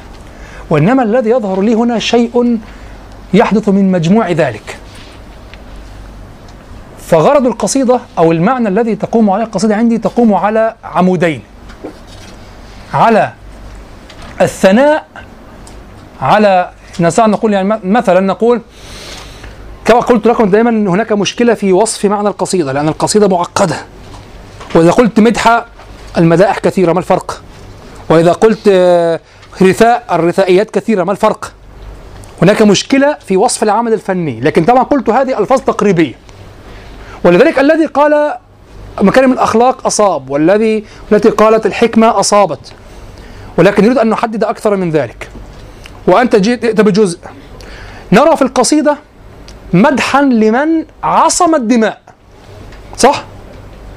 ثم نرى ذما لمن خان وأسال الدماء. عتاب. عتاب. لا هو أهانه أصلا.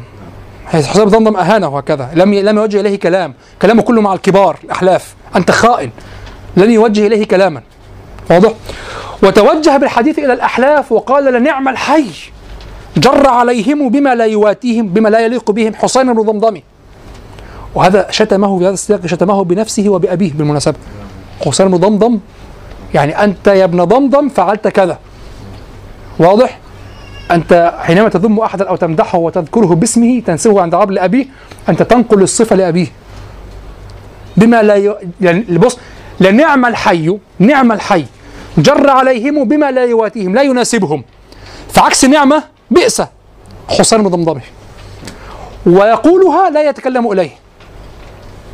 وهذا من الجميل في هذا في هذا السياق أنه استعمل الضمير الغائب. لما استعمل الخطاب استعمل الضمير الغائب مع الأحلاف تكريما يتكلم عنهم ومع حسين بن ضمضم إهانة وتنزيلا. وهذا يدلك على أن ما تدرسه في كتب البلاغة بوابة للذوق وليس اقتصارا عليه. إنما هو أمثلة وقد تخالفه وقد تخرج عليه وقد تعدل وقد تضيف. لابد أن تضيف أصلا. هي أمثلة ليست أكثر. العربية لا تضن ولم تنضب لم تنعصر في كتب البلاغة. ما زالت معطاءة. واضح؟ طيب. فهو هنا يقول فما مبلغ الأحلاف عني رسالة وينصح وقبلها يقول نعم فمبلغ الأحلاف عني رسالة وذبيان هل أقسمتم فلا تكتمون الله ما في نفوسكم ليخف؟ وما الحرب إلا ما علمتم وذقتم. إذا هو مدح وحذر وأهان. واضح؟ مدح وحذر وأهان بغرض شيء واحد هو عصمة الدماء. فكأن موضوع القصيدة الذي يمكن أن نقول إنه يدور عليه هو كراهة أو كراهة الدماء كراهة سفك اللي أنا نقول كراهة الخيانة. الخيانة كانت وسيلة إلى هذا. نقول هي النصح أو التوجيه بماذا؟ التوجيه. طب المدح فيهوش توجيه. هنا هناك توجيه. مش مشكلة؟ هي مشكلة صح؟ مشكلة. نستطيع أن نقول هو طب نجعل كلمة عصمة الدماء وكراهة الحرب عصمة الدماء كراهة الحرب عمودا للكلام. بنى هذا على مدح من فعلوا هذا من سعوا في هذا وعلى نصح من آه وعلى نصح من آه قد يتوقع منهم ذلك. وإذا نظرنا إلى حسين المضمضم وعلى عمود ثالث وهو ذم خيا الخيانة بسفك الدماء أو الخيانة التي تكسر هذا هذه العهود. فنستطيع أن نقول القصيدة في عصمة الدماء أو في تكريم الجزء مكارم الأخلاق في قضية الالتزام بالعهود والمواثيق و... لكن هذه طريقة طبعا طريق إلى عصمة الدماء. طبعا أفكر معكم بصوت. صح؟ مثلا الصلح وتأثيره الصلح. وتأثيره على اللي قبله واللي بدأ بيه. لا هناك هناك معنى فيه الصلح يعني الصلح يدور في معنى واحد هو إيقاف الحرب. والمدح أيضا. تعرف أنت لو تمدح ممدوح تجمع الصفات التي فيه صح؟ لكن هو هنا يقول أنتم فعلتم كذا وكذا وكذا. ثم ينطلق من كذا وكذا إلى آخرين يحذرهم. ثم يذم أحد الذين اخترقوا كذا. اذا الموضوع هو كذا. وليس المدح. لو أنه لو أن الممدوحين هم المحور في المدح هم أساس المدح هم أساس القصيدة لجمع لهم كل ما يليق بحقهم. هناك قصائد أخرى لزهير في المدح. تصلح أن تكون قانونا في المدح. وأثنى عليهم بالشجاعة وبالحكمة وبالإعطاء وبكذا وبكذا وبكذا. تصلح أن تكون مدحا فعلا. لكن هذه القصيدة تصلح أن تكون مدحا. هذه القصيدة لها موضوع هو الحرب والحفاظ على العهود وعصمة الدماء. أنا لا أستطيع أن أتجاوز كلمة عصمة الدماء أو حبس الدماء حقن الدماء. البعض قد يقول يعني ربما قيل هذا المرجو من القصيدة الغاية من القصيدة وليس موضوع القصيدة. كما أن الشاعر كما أن الشاعر قد يمدح أحدا ليأخذ الجائزة. فموضوع القصيدة هو المدح والجائزة أو العطاء هو الغاية. فكذلك عصمة الدماء هنا هنا هي ماذا؟ هي العطاء صح؟ أو هي الجز... هي ما ينتظره الغاية من القصيدة. أقول هذا الكلام يكون صحيحا لو أن القصيدة خلصت للمدح. لكن لم تخلص للمدح.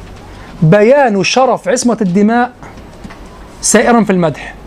هو يمدح عصمة الدماء في الحقيقة والتزام العهود. وبيان هذا حتى أن البعض قال هو شاعر السلام. وبيان طب من عكسه في العبسيين؟ هناك الجاء في العبسيين. عنترة. عايز عايز الحرب. خايف يموت حرب ما تقومش. لأن شرف زهير بفعاله ونسبه. لا ينقصه شرف. طبعا الإخوة في السودان زعلوا مني من الكلام ده. لأن البعض الباحثين أثبت أن أم زهير كانت من منطقة السودان أم عنترة كانت من منطقة السودان. خدت شتيمة بقالي سنتين. لحد دلوقتي بقالي بتشتم على الدرس ده كتير جدا. شتيمة ووقوع في عرضه بشكل غريب يعني. الإخوة السودانيين مرة أشوف منهم الكلام ده. يعني أنا قلت أم عنترة كانت سودانية وعنترة يظهر من شعره ومن الأحداث والواقع أنه كان يشعر بنقص بسبب نسبه. لأن أمه كانت إفريقية والوضع أنا أشرح ما كان في الوقت في هذا الوقت في الجاهلية. هذا هو الواقع. وإلا كنت مسيئا لبلال رضي الله عنه. واضح؟ فكان هو هو عنتر نفسه يقول وإذا الكتيبة أحجمت وتلاحظت ألفيت خيرا من معم مخولي. يعني شريف الأعمام والأخوال. وأنت لست معم مخول؟ لا هو معم فقط ليس مخول في نظر نفسه ويقول آه وأنا وأنا امرؤ من خير عبس منصبا شطري وأحمي سائري بالمنصل فعنترة شرفه في الحرب في القتال. لأن شرط لأن ابن الأمة ابن الأمة كان يكتسب شرفه من ماذا؟ يعني هو بين بين. يظل ابن أمة. مع أن أبوه سيد من العرب. ولذلك يسمونه بغربان العرب. لماذا؟ لأنه عربي لكن أمه ليست ليست عربية. واضح؟ والعرب جاهلية. شو انظر لابن السوداء؟ قال الناس إنك امرؤ فيك جاهلية. الإسلام جعله يذهب ويضع خده وعطاه يقول طأ عليه. انظر ال- الإسلام ماذا فعل به. أنا أشرح قصيدة جاهلية أعيش فيها. واضح؟ ف فعنترة كان يعني كان من عرف العرب في هذا الوقت أنه لا ينسب إلى أبيه إلا بفعال عظيم يعوض الشطر يطمئنون به إلى أن النصف الذي في أبيه غلب عليه. ما هو؟ أن يبلي بلاء حسنا في الحرب.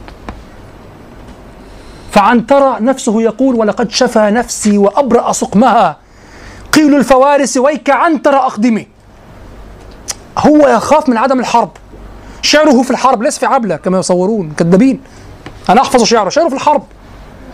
ولقد خشيت بأن أموت ولم تضر للحرب دائرة على ابن ضمضمي. وكذلك بكرت تخوفني الحتوف كأنني أصبحت عن غرض الحتوف بمعزلي. فأجبتها إن المنية منهل لابد أن أسقى بكأس المنهل. فاقني حياءك لا أبا لك واعلمي أني امرؤ سأموت إن لم أقتل. ترى حرب. زهير لا. زهير ما كان كان يكره الحرب. القصيدة هي بالضبط يقصد من الغاية منها الحفاظ على هذه العهود ونبذ الحرب. موضوعها يمكن أن تقول هو إظهار مكانة السلام عند هؤلاء بمدح إظهار شرف عصمة الدماء بمدح هؤلاء وبنصح هؤلاء وبذم الخائن. يمكنك أن تكون معنى في نفسك ما زال مضطربا عندي أن تكون معنى في نفسك تمسكه لتعبر عنه قبل أن يطير. تحتاج إلى أيضا مكنة لغوية هنا. معنى في نفسك تقرأ القصيدة مرات مرات أنا قلت أقرأها مرات عشان أمسك المعنى. هي الحرب وحبس الدماء. طيب هذا هو الغرض. لا لا لا. إذا تشريف وإظهار شرف هذا الأمر مما سيدفع المعطائين لأن يقتضى بهم. أو سيدفع سيدفعهم هم للحفاظ على ذلك والإكثار إذا وقع ذلك مرة أخرى. وألا يندموا على هذا الأمر وكذا. وسيدفع الآخرين هذا النصح والتحذير. سيدفع الآخرين الحفاظ على هذا. هو هذه غاية وهذا الذم للخائن سيردع غيره ويردعه أيضا واضح؟ فالغاية هي وقوع الحبس لكن القصيدة هي إظهار لمكانة عصمة الدماء فلما أظهر هذه المكانة بمدح المعطي الدفع للديات وبنصح الأحلاف وبذم الخائن لما أظهر هذه الأشياء ستظهر النتيجة ولكن بماذا؟ بمدح وإظهار هذه المعاني إذا القصيدة في إظهار مكانة وتشريف مكانة عصمة الدماء والتزام العهود والغاية هي حدوث ذلك فعلا صح؟ وإن ده-؟ نتيجة. خبرته وإن ده نتيجة خبرته الحياتية الطويلة في بآخر هذا يدل على أن القصيدة شوف سئمت تكاليف الحياة ومن يعش ثمانين حولا لا أبا لك يسأمي هذا يدلك على أنه كان يرى هذه الأشياء ماذا تكاليف تدخ هذا الكلام كان عنده 80 سنة 80 سنة. فيرى هذه تكاليف وهذه الأبيات خلا أنا أرى أنه خلا فيها إلى نفسه وأخذ وكأنه يقول يا دي القرف لسه بيتصارعوا ولسه بيتخانقوا ولسه وكذا ولسه. عشان كده هي ال... هذه خلاصة في الأخير في القصيدة لكن ليست موضوع القصيدة. ماذا نفعل بالفصول التي قبلها؟ أنا أظن إن هو يعني الحادثه دي حفز ذكره أو تفز ذكره على انه يطلع كل اللي جواه فان هو بس فيها ولذلك لا يمكن أن نقول إنها في المدح. شوف كلمة مدح تضاءلت بعدت صح؟ ذهب كلمة مدح؟ قصيدة مدحية؟ أين المدح؟ فين المدح؟ يوجد فيها مدح من ضمن أص- مد يعني مدح. شوف مدح. تشعر تذكر ابن قيس المعلقة؟ آه، النساء الليل كذا. هناك خط واحد هو الذكرى في الموضوع صح؟ كذلك هنا. مدح نصح وتحذير ذم خائن ثم نصح وتحذير ومدح. ثم أبيات في الحكمة وهناك خط واحد واحد في القصيدة هو التحذير من الحرب والحض على حفظ العهود والثناء على من يفعل وكذا. واضح؟ يعني حقن الدماء حقن الدماء وحقن دماء العرب وكذا. هذا يدل على كما قال بعض المؤلفين يعني زهير قلبه واسع يعني ليس قبلي وإنما ينظر إلى العرب من حيث أنفسهم ينظر إلى الدماء من حيث كونها دماء وكذا. واضح؟ المهم هذا الخط موجود ولو كانت القصيدة في المدح اولا لا نجد تفسيرا لكل هذه الفصول رحمك الله. وثانيا لم يكن المدح لذلك أنا أقول هنا ال- القصيدة في المدح على هذا المعنى ضئيلة لم تمدحهم إلا بشيء واحد. أين المدح؟ أين يعني ينصون دائما على أساس في المدح دائما الكرم والدفاع عن الديار والذب عن الضيف وكذا والمستجير هي أساس المدح عند العرب. أساس. لم يذكر هنا إلا الكرم. وذكر في الأخير بعد أن انشغل عنه كرام فلا ذو الوتر يدرك وتره لديه. وكأنه فقط يعني تعرف زهير زل ما كان ما كان يتكسب بالمدح بالمناسبة. ولكنه لما رأى هذا المعروف من هؤلاء القوم أراد أن يحمسهم والا يندموا على ما فعلوا أو كذا فأثبت لهم هذه التي بلي ما أعطوه وبقيت هي. كنا كنا نعطيه فن- فنكثر ذهب ما أعطيتموه وبقي ما أعطاكم. طيب. حاله الحزن ما فيش وقت. حالة الحزن؟ ترى حزنا في القصيدة صح؟ خاصة في الفصل الأخير. هو لك سئمت تكاليف الحياة. هو قرفان من اللي بيحصل. حتى زهير أظنه لو كان شابا لهجا حسام بن ضمضم لكن هو يعني خلاص ده ده أنت يعني يلا. مين؟ آه يعني أظنه لو كان شابا وتحمس كانت كانت كان قال قصيدة في حسين بن ضمضم لكن ثمانين حولا. لا أبا لك يسأمي خلاص أنا فضيلك خاين حتة واحد خاين كذا لكن خلفت الأحلاف وكذا فأنا أخاف على الأحلاف. رحمك الله. واضح؟ طيب. الآن وبعد هذا التمثل الذي يمكن أن نقول أننا وقفنا فيه ولو بشكل عام أو تقريبي على الغرض من القصيدة وأنها ليست مدحة آه يمكننا الآن أن ننزل درجة في تذوق القصيدة لكن ستقابلنا مشكلة. يعني في التم... نريد الآن أن نتمثل الفصول والروابط بين الفصول والأبيات. أن ننظر المناسبات بين الفصول والروابط إن كانت هناك روابط. الذي حضر معي علوم القرآن في السبت الماضي علم الفرق بين المناسبة والربط المناسبة يعني أن تكون يكون هناك علاقة بين الفصل والفصل كعلاقة الجملة بالجملة. في النحو حينما تقول آه وهذه واو استئنافية ليس معناه أن الجملة انفصلت عما قبلها وإنما لا ترتبط الأجزاء لكن يرتبط المعنى الكلي. فكذلك العلاقة بين الفصول. هناك فصول يمكن أن تكون بينها مناسبة كما أن الآيات بينها مناسبة. وهناك فصول يبنى الفصل الثاني فيها على الأول بحرف فيحدث ما هو أخص من المناسبة وهو الربط اللغوي. الربط اللغوي تفهمون؟ فمن مبلغ الأحلاف؟ فاء. تفيد ابتناء ما بعدها على ما قبلها صح؟ امرؤ القيس حينما قال في الثلاثة الأخيرة من آل عم صباحا ماذا قال؟ فلو أنما أسعى هذه الفاء كانت شارحة للموقف صح؟ جعلتني أراجع كل ما فات في ضوء الأبيات التي تلي هذه الفاء فلو أنما أسعى لأدنى معيشة أنا سأقرأ هذه القراءة هذا الكلام قراءة جديدة مرة أخرى إذا الآن نحن سننزل درجة نحاول أن نتذوق الفصول نستشرف في هذه القراءة التمثل هذه المرة بنية القصيدة. بنية القصيدة. لماذا رتبت القصيدة وفصولها على هذا الترتيب؟ لماذا لا يجوز أن أقول إنني أقدم وأخر في هذه الفصول ولا يختلف؟ أبحث عن المناسبات بين الفصول وعن الروابط اللغوية إن وجدت. طبعا هي أسهل الروابط اللغوية أسهل. تمام؟ والروابط اللغوية إن وجدت. وأحاول أن أجيب عن هذه القصيدة أو عن هذا الترتيب لماذا أو كيف هذا الترتيب توافق مع الغرض وحقق الغرض من هذه القصيدة. لماذا لا يمكنني أن أغير في بناء هذه القصيدة؟ هذا هو. واضح؟ هذه نقطة مهمة جدا. ولكن انتبهوا أيضا لن نتعرض للمقدمة الآن. لماذا؟ المقدمة ستأتي معنا بعد أن نفهم القصيدة لأننا في التمثلات الأولى لم يظهر لنا وجه ارتباط المقدمة على مستوى هذه التمثلات. فعلمنا بذلك أن المقدمة ليست معنى يلتحم مع القصيدة في معناها أو لا تحمل معنى وغرضا يلتحم مع القصيدة في معناها على المستوى العام الظاهر الذي يكون فيه المعنى جزءا من المعنى وليس موازيا له. فهمتم؟ يعني ألا عم صباحا لما قرأتها لأول مرة لاحظت أنه قال سلمى ديار لسلمى بكى على سلمى ولاحظت أنه يرد بسلمى. فالفصول مكملة. فذهبت إلى آخر بيت في الفصل الأول وأول بيت في الفصل الثاني. آخر بيت في الفصل الأول ماذا يقول؟ ليالي يا سلمى إذ تريك منصبا وجيدا كجيد الرئم ليس بمعطار يعني له ليالي يا سلمى يعني يتسلل معها في الظلام في الصحراء في الخارج كما ذكر مع بيضة الخدر في المعلقة. فهذه ليالي لا ليلة واحدة.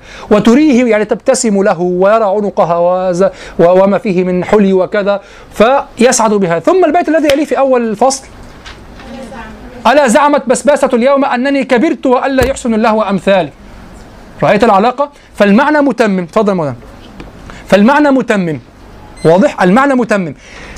طالما لم يظهر هو لم يتضايق من المعنى هو استأذن من قبل. يعني تفكروش الشيخ عبد الحكيم رجل فاهم. فالمعنى لم يظهر. من أول قراءة لم يظهر اتصال. الاتصال الجزء الذي تكلمت عنه في المرة الماضية النوع الثاني من القصائد من المقدمات. هذا الاتصال الجزئي يظهر من أول تمثلات. واضح؟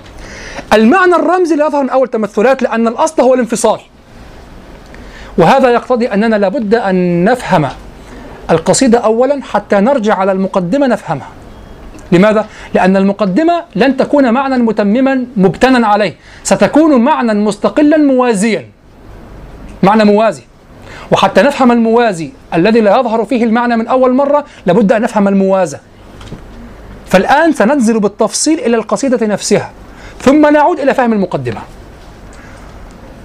هل ورد سؤال في ذهنكم الآن مثلا طيب وهل كان لماذا هو جعلها مقدمة؟ وكان ينبغي أن أدخل إلى القصيدة من المقدمة صح؟ ولما جعلها مقدمة إذا جعل فهم القصيدة مبتنا عليها أصلا.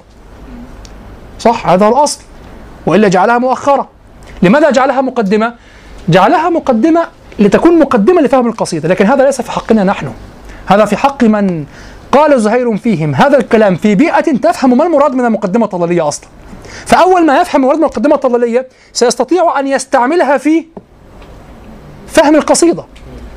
أما نحن انقلب حالنا. نأتي القصيدة من ذيلها. نحن الآن في مرحلة التحليل. تعرفون الذي يحلل شيئا؟ لا يلتزم سياقه السياق والترتيب تفضل. السياق والترتيب إنما يكون في حق من يفهم قوانين هذا السياق.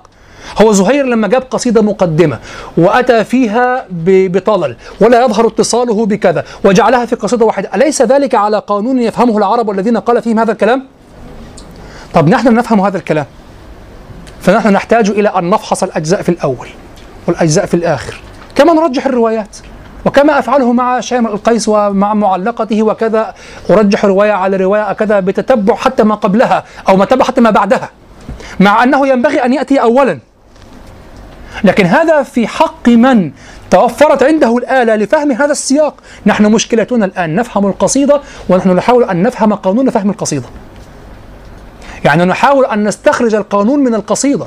الذي عنده القانون يعني أنت بعد أن تحصل هذا القانون ستستمتع جدا بقراءة هذا النوع من المقدمات الطلالية. ستعرف موضوع القصيدة قبل أن تنتهي من المقدمة الطلالية. ستعرف ما القضية هناك من يفعل وهناك كذا وهناك. نحن الآن نحتاج إلى أن نفهم أولا القصيدة جيدا ثم نرجع لنرى ظل ذلك في المقدمة. لأننا ما زلنا نكتشف المقدمة. الذين قال فيهم الزهير هذا الكلام كانوا يعرفون المقدمة. فهم فهموا القصيدة لما انتهى من المقدمة. وجاء ما بعدها شرحا وتتميما لها. فهمتوا؟ أو بناء على معناها الكلي الذي أوحي به في المقدمة.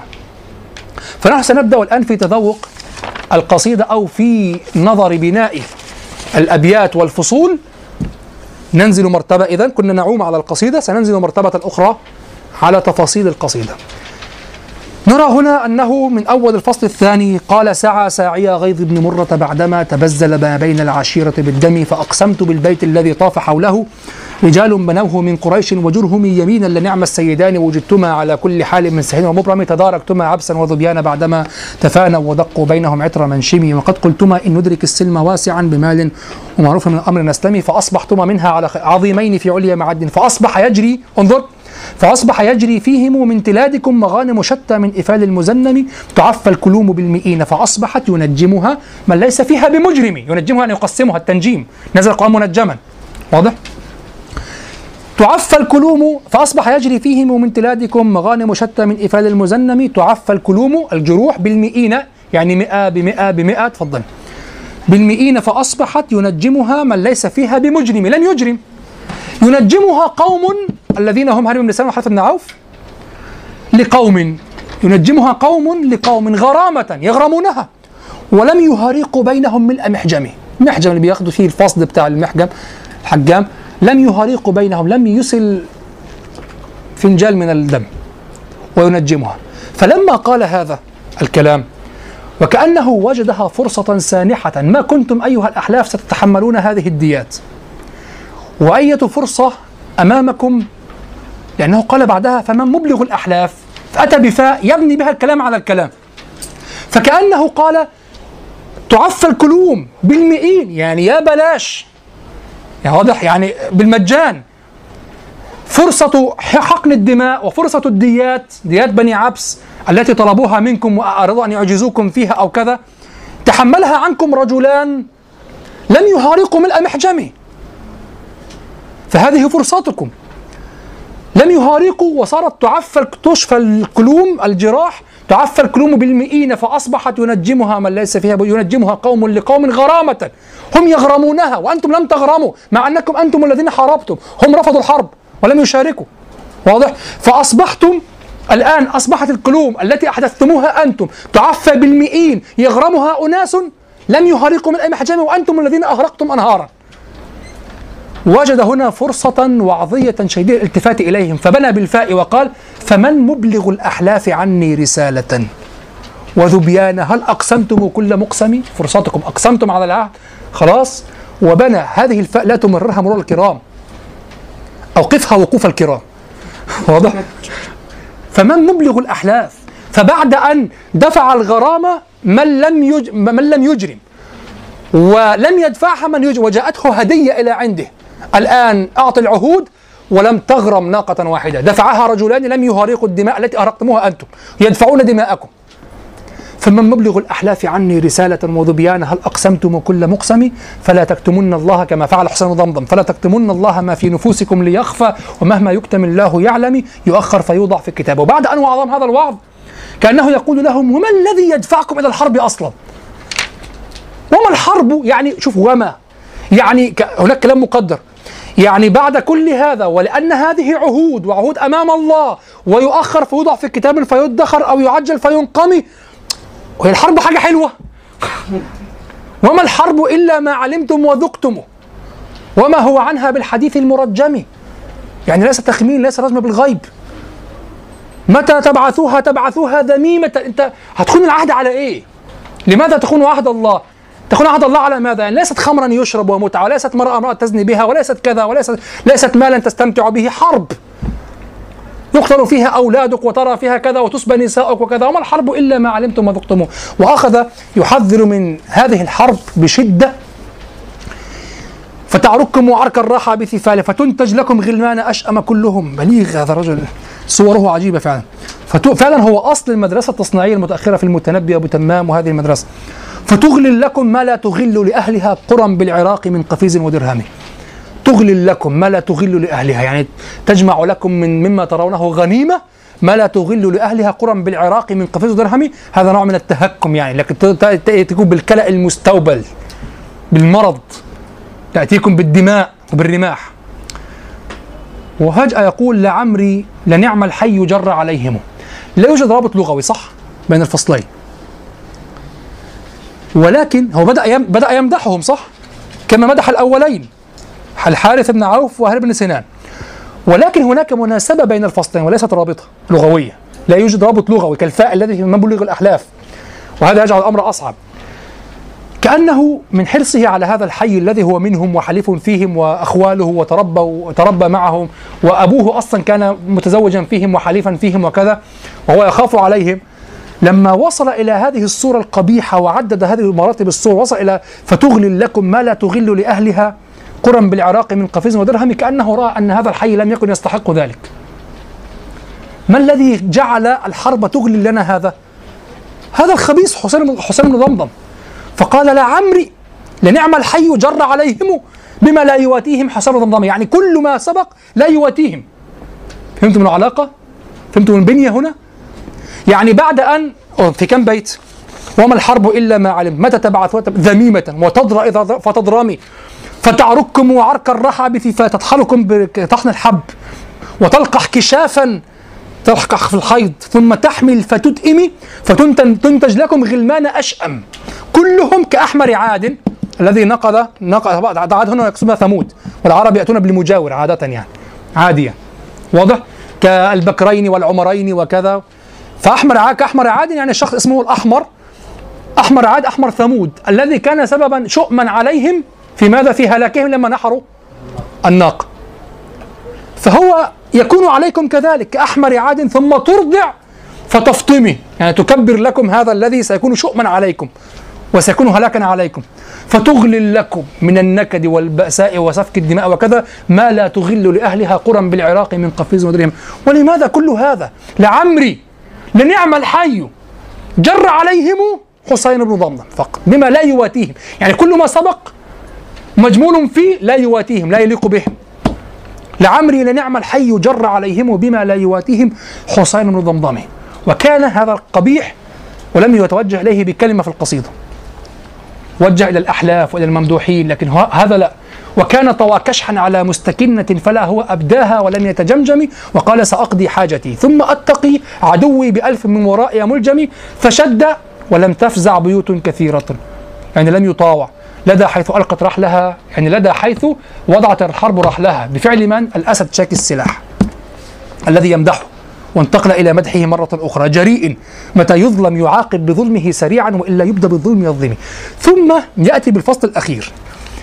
الذي هو قبل فصل الحكمة الفصل الأخير في حكاية القصة وحكاية الأمر في مباشرة الموضوع من البيت التاسع والثلاثين إلى البيت السادس والأربعين هذا الفصل يبدو وكأنه تكرار لكن ستلاحظون أنه ليس تكرارا وإنما هو الامتداد الفعلي العملي لما ذكره من قبل هو مدحهم بأنهم فعلوا ماذا؟ مدحهم بأنهم فعلوا ماذا؟ تحملوا الديات صح؟ وحذر الآخرين من ماذا؟ من الحرب. كل الكلام ما سبق نظري. الآن ماذا يقول؟ هو قال فتعرككم فتنتج لكم فتغلل. يشرح الآن عمليا. فيقول رعوا ما رعوا من ظمئهم. يعني كان هذا بما لا يواتيهم أيضا. رعوا ما رعوا يشرح ما لا يواتيهم. يشرح ما تغل لهم الحرب. فيقول الآن عملي رعوا ما رعوا من ظمئهم. طبعا كل هذه استعارات. زهير ملك الاستعارات في الجاهلية فعلا. كما أن امرأ القيس ملك التشبيه واضح؟ رعوا ما رعوا من ظمئهم يعني من فترة عدم شربهم الظمء عدم الشرب رعوا في الأرض وكذا. ثم أوردوا غمارا تسيل بالرماح وبالدم. تخيل هكذا الغدير. ليس درة جلجل. هذا غدير مختلف واضح؟ يسيل بالرماح وبالدم يعني يفور. بالرماح تخيل كده الرماح عائمة وكذا وفيها الرأس الحديدية والرماح خشبي فالرماح يسيل هكذا بالرماح وبالدم والرماح تنسكب منه وكذا غدير. يسيل بالرماح وبالدم. فقضوا منايا بينهم. قضوا قضاء قضى الله أن يحدث. ثم أصدروا بعد الشرب يسمى هذا ال- المجيء اللي يسمى الورود. حتى نقول نحن ورد هذا ورود. ثم يصدر ليأكل. ثم أصدروا إلى كلأ مستوبل متوخم إلى طعام كلأ الطعام إلى طعام يمرض. يعني شؤم تفسير لأشأم صح؟ تغل لكم ما لا تغل لأهلها. ثم تقول قصدها في المدح. ليست مدحا. طب والنتيجة؟ لعمرك ما جرت عليهم رماحهم. يبدأ يرجع للم- لل- للممدوح. ما جرت عليهم رماحهم دم ابن نهيك أو قتيل المثلم ولا شاركوا في القوم في دم نوفل ولا وهب منهم ولا ابن المحزم. النتيجة كما قال هناك تعفك كيف تعفك لوم بالمئين؟ العمل هنا الذي يختم به القصيدة الصورة العملية. يقول فكلا أراهم أصبحوا يعقلونهم علالة ألف بعد ألف مسطم يعني جماعات متقطعة ألف بعد ألف مسطم كاملة تامة ألف يعني ألف. انظر الصورة. تساق إلى قوم لقوم يعني هناك وسطاء يأخذونها يسلمونها لأصحابها تساق إلى قوم لقوم غرامة يعني يغرمونها. صحيحات مال طالعات بمخرم يعني بين فرق بين جبلين يذكر انسيال يذكر انثيال هذه ال- الإبل بين الجبلين. هذا كأنه الشرح لتعفى الكلوم بالمئين صح؟ تساق إلى قوم لقوم غرامة. صحيحات مال يعني الإبل مش معيوبة وكذا لا على الفرازة ألف ألف. طالعات صحيحات مال طالعات بمخرم طالعات يعني تطلع هكذا تطلع بمخ- بمخرم يعني من مخرم يعني هذا الفرق بين الجبلين. ينزل تنزل فيه هذه القطعان ألف بعد ألف تنزل في هذا الوادي. هذا شرح لتعفق لهم بالمئين. وهذا يأتي ليقاوم في نفس الفصل رعوا ما رعوا من ظمئهم انظر هناك كلوم جروح. هنا غمارا تسيل بالرماح وبالدم. وهناك تعفق لهم بالمئين فأصبحت كذا كذا. هنا يشرح. تساق إلى قوم لقوم. يعني كأنك لو صنعتها فيلما هكذا تسجيل. سترى هذه الصور. يعني يصلح أن يختم بها الفيلم. يعني تمثال ال- الإبل من بين الجبال فتحات الجبال هكذا إلى هؤلاء القوم وموسيقى خلفية. عشا مني ولا لا؟ بعد هذه يعني تأتي حروب أخيرة وكذا وكذا وكذا ودماء وغمار تسيل بالرماح وبالدم وكلا مستوبل متوخم وكذا ثم ترى الجو الأخضر والجو السلام والسماء الصافية وتنزل الإبل من بين هذه هذه المخارم. واضح تنزل تنثال الإبل هكذا صحيحات مال طالعات بمخرمه. لحي يعني هي من حي لحي يعني هي كانت ملكا لحي هو يمدح الممدوحين الآن. لحي حلال يعصم الناس أمرهم يعصم الناس مفعول به أمرهم إذا طلعت إحدى الليالي بمعظم إذا جاءت مصيبة. والعرب يكرهون الليل لأنه تكون فيه كل الأشياء التي يخافون منها. الثعبان يلدغ بالليل كل ذئب يأتي باليعدو بالليل. ولذلك يعشقون القمر. القمر عند العرب آه مش القمر اللي يعشقون القمر لا القمر هو البدر يعني. نعم. يعشقون القمر لماذا؟ مصباح. مصباح. وعمر يعشق القمر صح؟ عمر ماذا قال؟ ها؟ وغاب قمار كنت أهوى غيوبهم. يعني القمر يفضح. يعرف هذا من المناطق التي ليس فيها كهرباء. القمر له ظل. لاحظتم؟ له ظل. القمر البدر الكامل له ظل. أنت لا تشعر هنا أنت لا ترى السماء هنا أصلا. أنت بتشوف نجم واحد أمر صناعي اللي أنت شايفه. قريب. تحس في الآخر يطلع برج ولا مأذنة. عايز أشوف النجوم قريب بس مش في الظهر. بمناسبة ال- النجوم في الظهر هذه عند هذه جاهلية من عند طرف من العبد يقول وتريه النجم يجري بالظهر هتوريكي يعني هتخلي ليلك هتخلي نهارك ليل. هتوريك طبعا ده كناية عن ماذا؟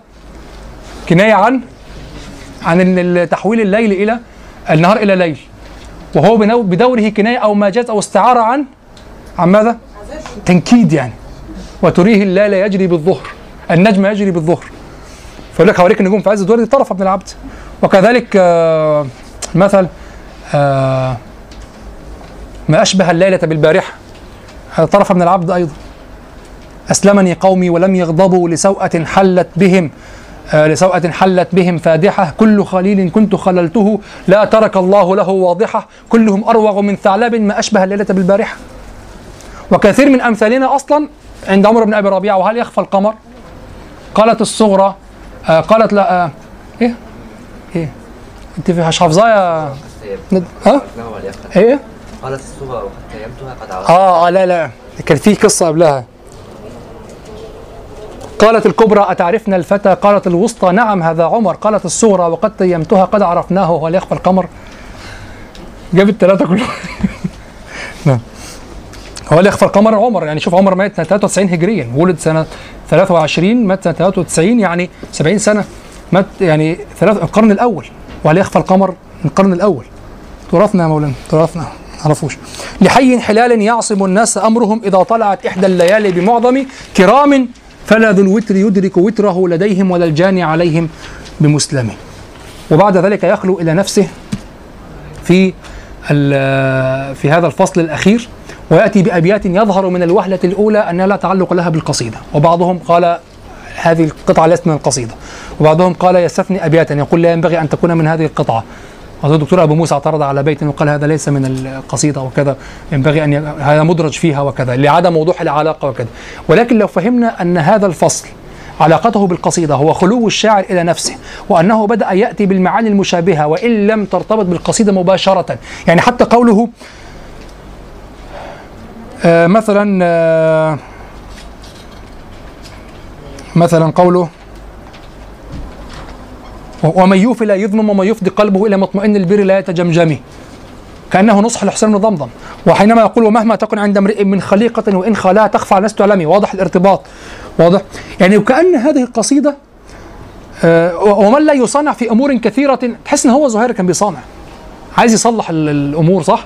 يريد أن يصلح بين الناس وكذا وكذا ومن لا يصانع في أمور كثيرة يدرس بأنياب ويوطأ بمنسمه فالعلاقة واضحة. الذي ليس واضحا تماما ومن لا يزل يستحمل الناس نفسه ولم يغنها كأنه يقول للأحلاف احذروا يعني من أن يظل الرجلين أن يظل الرجلان يتحملان عنكما وكذا. المهم فوضحت عندي الآن آه، وجود بنية للقصيدة وأن الشاعر تسلسل آه، أو تسلسلت في ذهنه المعاني وأن بعض الفصول بنيت على بعضها ب آه، بنيت على بعضها برابطة لغوية وبعضها بالمناسبة فقط وبالالتفات في الكلام وهي في الأخير مرتبه في ذهنه. ولذلك أنا أرى بنيتها قوية جدا وتتضح معنا في الشرح في الأيام المقبلة إن شاء الله. ولذلك أظن أن بنية القصيدة كانت أظن ظنا والله أعلم. يعني عندي هكذا ميل إلى أن بنية القصيدة كانت مما دخل في عملية التنقيح التي نقحها زهير. لأن الفصول بينها دقيقة الانتقالات دقيقة انظر رعوا ما رعوا ثم يثني على الكلام لكن سترى في رعوا وتساق إلى إلى قوم يشتركان في الفصل الواحد يشتركان في أنهما شرح عملي وصورة أخيرة لما مدحهم به نظريا وما حذرهم منه نظريا صح؟ وكذلك لعمري لنعم الحي كأنه يقول بعد كل هذا لماذا الحي يصاب بهذا؟ كل هذا الذي. آه، الذي قلته هو لا يواتيهم إنما جره عليهم حسين بن ضمضم. واضح؟ فالبنية عندي قوية جدا بنت لي على مدى السنوات وأنا أقرأ هذه القصيدة. الآن تعالوا نستشرف جانا الغول الكبير وهي المقدمة الطلالية التي ينبغي أن نرى فيها هذه القصيدة الآن ليكن معكم أقلام هكذا هذا ضروري مهم الله الآن في هذه القصيدة وجدنا بعض العناصر صح؟ طيب أولا نكتب هكذا. يعني شوف نكتب مثلا أنا دونت هذا الكلام الخواطر عندي هنا. سنكتب ثمانية أسطر إن شاء الله. خلاص؟ طيب آه. عرفنا شخصا خائنا. يوجد في الكلام شخص خائن لم تظهر منه خيانته صح؟ نكتب هكذا. أي رمز شخص خائن ارسم حتى واحد مشعب كده. أي حاجة. شخص خائن لم تظهر مهم لم تظهر منه خيانته. خيانته صح؟ ثم هذا الخائن من قوم أوفياء. صح؟ هذا لو لو وجدنا أن ما أقول لو لو أن أحدكم وجد أن ما أقول ليس بارزا لا أقول ليس موجودا ليس بارزا في القصيدة فيما قرأناه ووقفنا عليه ليقل. اولا عرفنا شخصا خائنا لم تظهر خيانته. وهذا الخائن من قوم كرام أوفياء في الأصل. وهذا الخائن ثالثا هذا الخائن جر عليهم ما لا يليق بهم حتى كاد أن يفسد سمعتهم. هذا الخائن جر عليهم ما لا يليق بهم بما لا يواتيهم. نعم الحي جر عليهم بما لا يواتيهم حسين بن ضمضم جر عليهم ما لا يليق بهم. حتى أن زهيرا حذرهم من ماذا؟ من الخيانة. هو واحد اللي فعل واحد. وال والذي لم يفعل تحمل الديات. واحد الذي فعل. وبعث مئة وبعث ابنه كمان أيضا. يعني واحد الذي خان ولا لا؟ فمن مبلغ الأحلاف عني فلا تكتمون الله ما في نفوسكم ليخفى لأن الشخصية عند الجاهليين القبيلة شخصية واحدة الواحد بال- بالقبيلة. أخطأ أحذركم جميعا. لا قال لا لا. طيب. رابعا زهير عرف هؤلاء القوم وأثنى عليهم صح؟ استثناهم بعد أن حذرهم وكذا لعمري لنعم الحي جر عليهم. لعمرك ما جرت عليهم رماحهم ده مبني نهيك صح؟ لعمري لنعم الحي. فزهير عرف هؤلاء القوم وأثنى عليهم. طيب. كذلك عرفنا أناسا كانوا مستعلين على الحروب والخيانات هم الذين مدحهم زهير. إذا يوجد في القصيدة أناس بعد أن تكلمنا على كل ما سبق الخائن والقوم هناك من مدحهم زهير في هذه القصيدة. قوم ممدوحون صح؟ واستعلوا على الحروب نعم. الثالث كان أنا كتبت هنا ولكن زهيرا عرف هؤلاء القوم وأثنى عليهم يعني أكمل الجملة يعني. يعني هذا الخائن جر عليهم ما لا يليق بهم. ثم ولكن زهيرا عرف هؤلاء القوم وأثنى عليهم. خامسا عرفنا أناسا في القصيدة كانوا مستعلين على الحروب والخيانات. تجنبوا كل هذه الحروب والخيانات. فأصبحتما منها على خير موطن بعيدين فيها من عقوق ومأثم عظيمين في عليا معد وغيره. ثم ولم يفرق بينهم من محجم. صح؟ لعمرك ما جرت عليه دم ابن نهيك أو قتيل مسلم ولا شاركوا في القوم في دم نوفل. كانوا مستعلين عن كل هذه الحروب وهذه الخيانات. مستعلين على كل شيء. حتى الحروب التي التي دفعوا دياتها التي قبل حتى الخيانة الأخيرة. الحروب التي قامت بينهم التي دفعوا فيها هذه الديات لم يشاركوا فيها أصلا. فتحملوا ولن وكان الأصل أن يجمع المال من المال من بيوتات القبيلة. هذا هو الأصل. أن يجمع المال من كل بيوتات القبيلة ومن أغنيائها. لكن تحملوا ولم يشاركوا في الحرب. طيب. هؤلاء الكرام يعني نستطيع أن نقول داخل في قبل أو منفصل هؤلاء الكرام لكن ننفصله أحسن. هجروا كل ذلك راسا وبسرعة صح؟ هجروا كل ذلك راسا وبسرعة. من أين نستنبط هذه السرعة في الكلام؟ حينما قال فأصبح انظر إلى هذه الفاء قال آه فأصبحتما منها على خير موطن بعيدين فيها من عقوق ومأثم عظيمين في عليا معد وغيرها. ومن يستبح كنز, من المجد يعظمي. ثم قال تعفى الكروم بالمئين فأصبحت ينجمها من ليس فيها بمجرم. ينجمها قوم لقوم غرامة ولم يهريق بينهم ملء محجم. وكذلك قال ماذا؟ لعمرك ما جرت عليهم رماحهم دم ابن نهيك أو قتيل المثلم. يعني هم شوف ولا ولا ولا ولا ويسمي أشخاص. بعد أن كان لم يهريقوا بينهم ولم يحدد المهروق دمه أخذ يعدد أفراد يعني ولا أي حتى أي شخص لم يهرقوا دم أحد لم يشاركوا ولا شاركوا في القوم في دم نوفل ولا وهب منهم ولا ابن الم... يعني تخلصوا من كل شيء. ظلوا بعيدا هكذا على مكان مستعلن. طيب. وأخيرا نقول إنهم استقروا من فعالهم على هذا المكان وعلى هذا الشرف وعلى هذا ال... هذا الوضع. يعني ظلوا كما قال عظيمين في عليا معد وغيرها. ومن يستبح كنزا من المجد يعظمه. صار عظيمين في عليا معد وغيرها. طيب. تعالوا الآن. كتبتم؟ العناصر طيب. عنصرا عنصرا أولا قلت عرفنا شخصا خائنا لم تظهر خيانته صح؟ انظر البيت الأول. أمن أم أوفى دمنة لم تكلمي.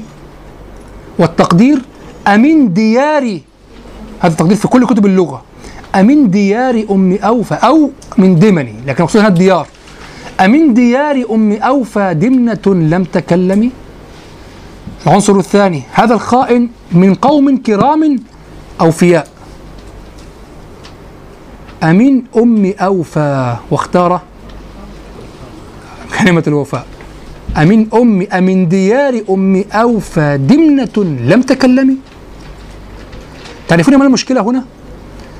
المشكلة هنا أن كل الشعراء إنما يبكون الديار ويتحدثون إلى الديار ويذكرون أنها هي التي لم تتكلم ولا يتكلمون مع دمنة من الديار الدمنة أقل شيء في الديار عارفين ما هي الدمنة؟ الدمنة هي بعض الأوساخ وال والحطب المحروق وبعر الإبل أو الماعز أو كذا كل ما بقي أسود في الدار.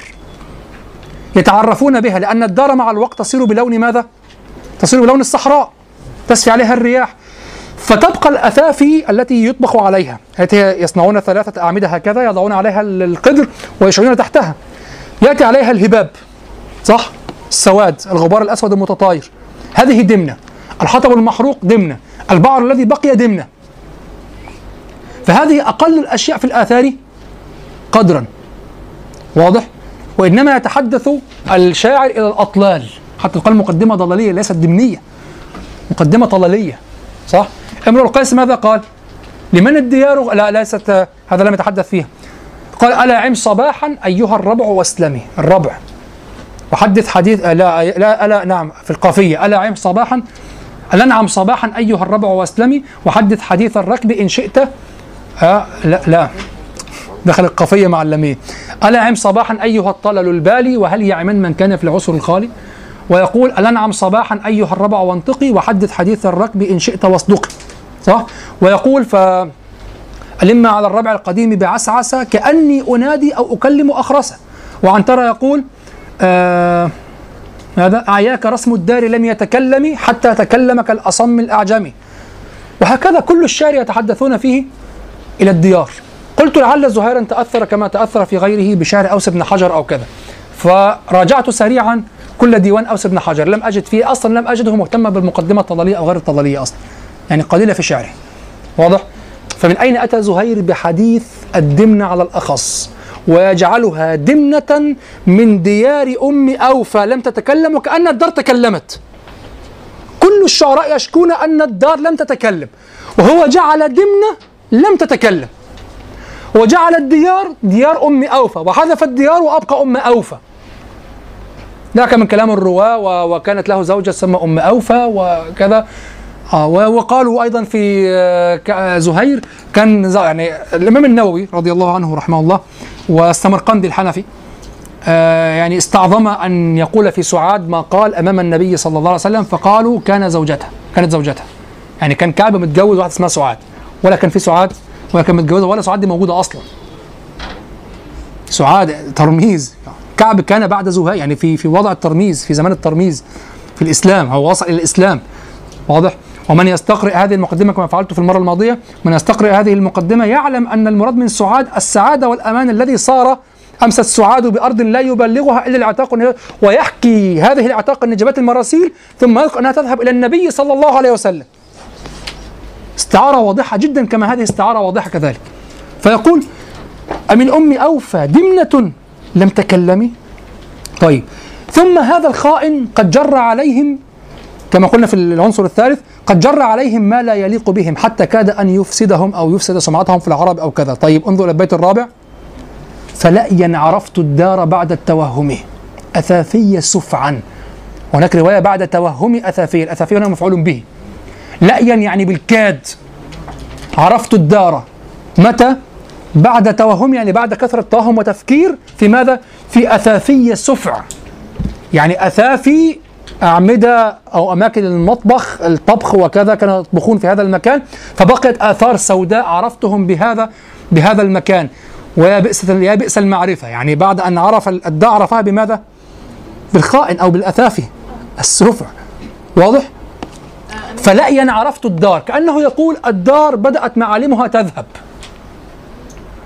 وكأنه يحذر الدار من أن تتأثر بالدمنة. ولا تصير علامة إلا السواد الذي ظهر فيها. يعني لم يعرف الدار وعرفها من بقايا سوداء فيها. كأنه يقول لن يبقى فيك ولن تعرف لن تعرف لن يبقى فيك أيتها الدار إلا أثار سوداء. لعمري لنعم الحي جر عليهم بما لا يواتيهم حسين بن ضمضم. طيب.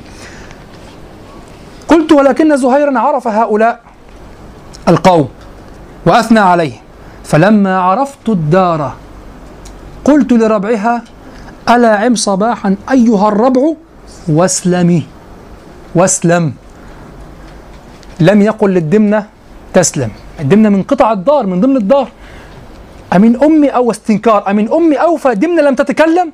فلما عرف الدار الأنعم صباحا ألا عم صباحا أيها الربع؟ واسلمي. ولماذا يسلم؟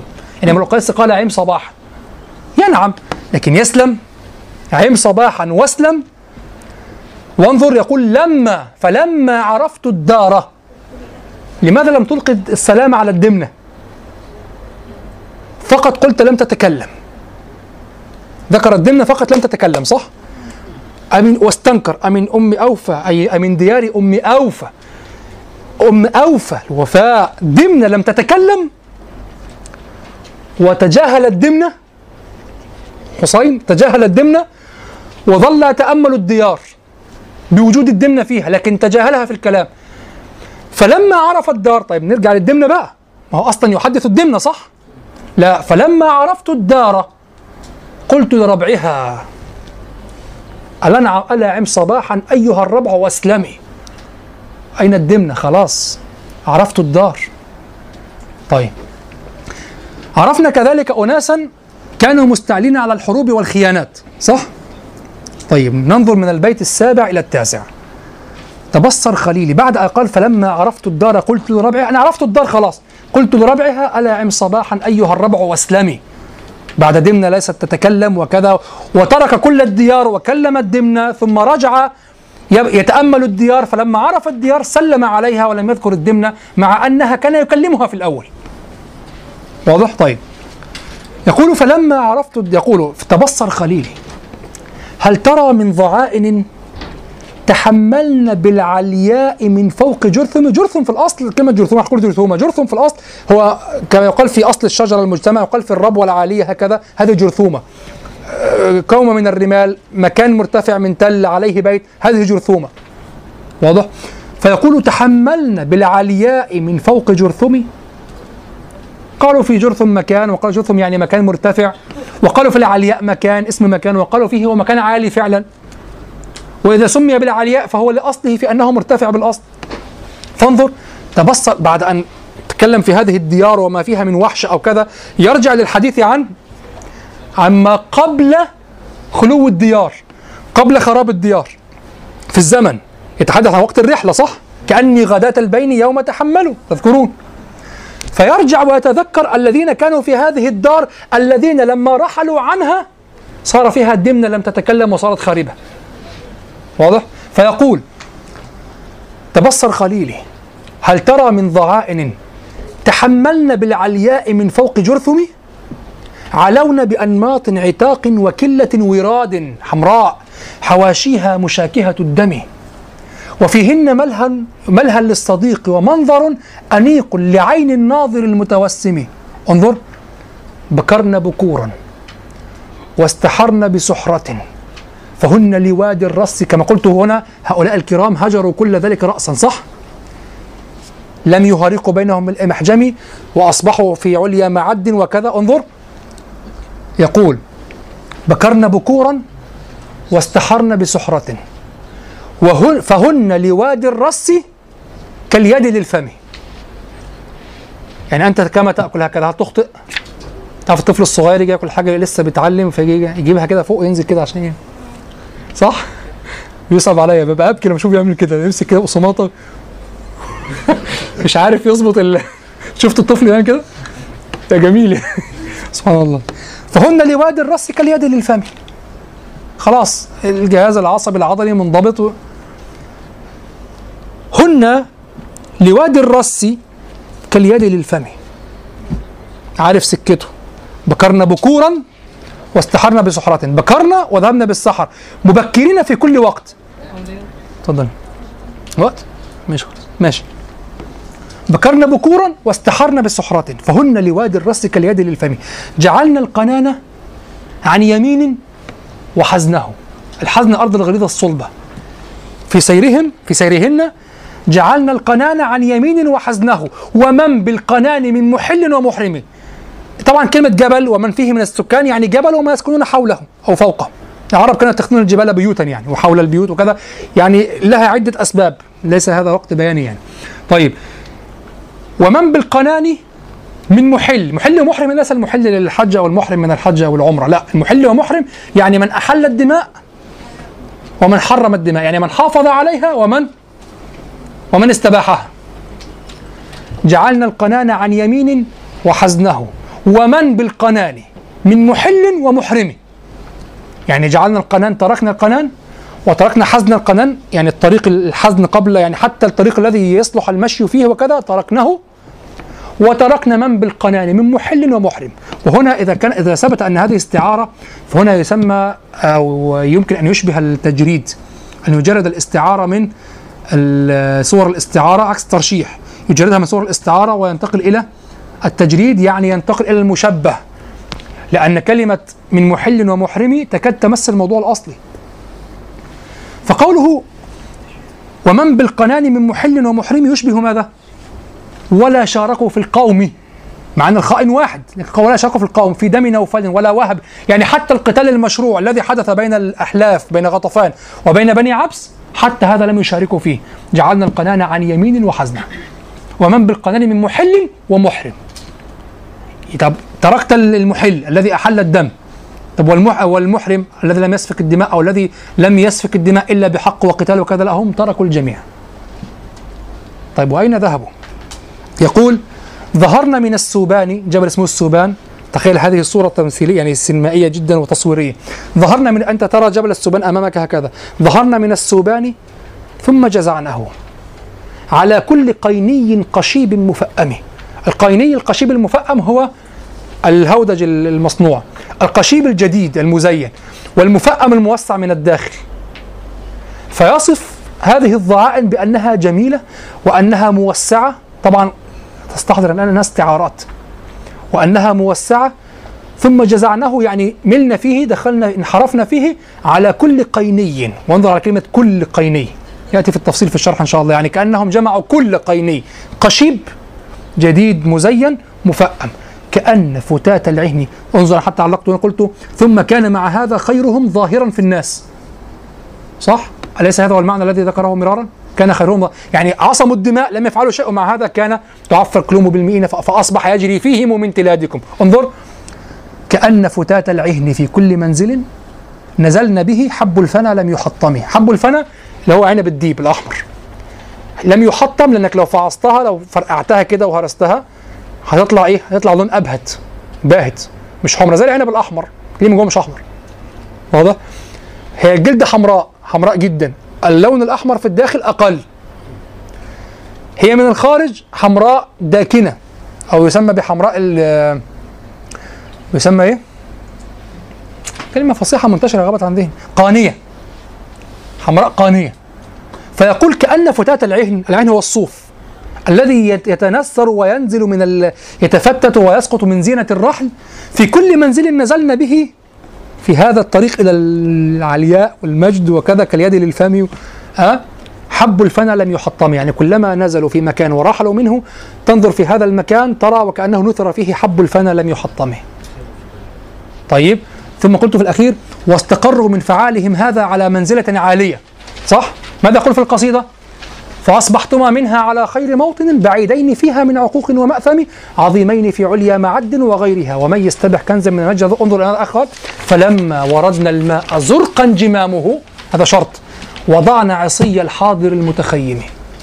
يعني كانوا ينزلون ويتركوا فتاة العهن كأنه حب الفنا لم يحطمه ويرتحلون ويتركوا خيرهم في كل مكان. متى وضعوا عصي الحاضر المتخيم؟ لما وردنا الماء لما جئنا على الماء زرقا جمامه. ما معنى زرق جمامه؟ تعرفون اللون الأزرق للماء؟ هذا اللون لا يتحقق إلا بشرطين. أن يكون الماء صافيا غير معكر وأن يكون مرتفعا.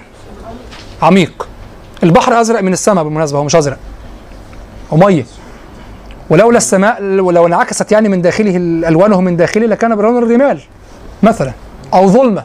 لو أن ال- الأضواء ظلت تتكسر في تكسرات الماء في الداخل ولم تصل إلى السطح من شدة العمق سيكون أسود. واضح؟ فحينما تكون الم- المياه زرقاء معناه أنه لم آه لم آه لم يورد من قبل ولم تعكره أقدام الإبل وأقدام ال- الغنم وأقدام ال- ال- الخيل وكذا ولم يشرب فيه ناس ثم هو مرتفع ثم هو صافي. ولذلك قال زرقا جمامه. هنا وضعنا عصي الحاضر المتخيم. ومن قبل في الطريق تركنا القنان عن يمين وحزنه ومن بالقنان من محل ومحرم. وفي طول طريقهم أو طريقهن يتركن فتات العهن في كل منزل نزلن به حب الفن لم يحطم فلما وردنا الماء زرقا جمامه اسقاطات أعمل اسقاط الآن. زرقا جمامه كأنها هذه العلاقة بين الأقوام. لم يتعكر الماء لم يشرب منه من قبل يعني وردوا شيئا لم يورد لم يورده. لا محل ولا محرم ولم يولغ فيه من قبل وكذا. هنا وضعوا عصي الحاضر يعني الذي سيقيم المتخيم الذي سيضرب الخيام. هنا فقط استقروا في السير. مروا على القنان تركنا من فيه من محل ومحرم. وحزنه وتركنا حزنه.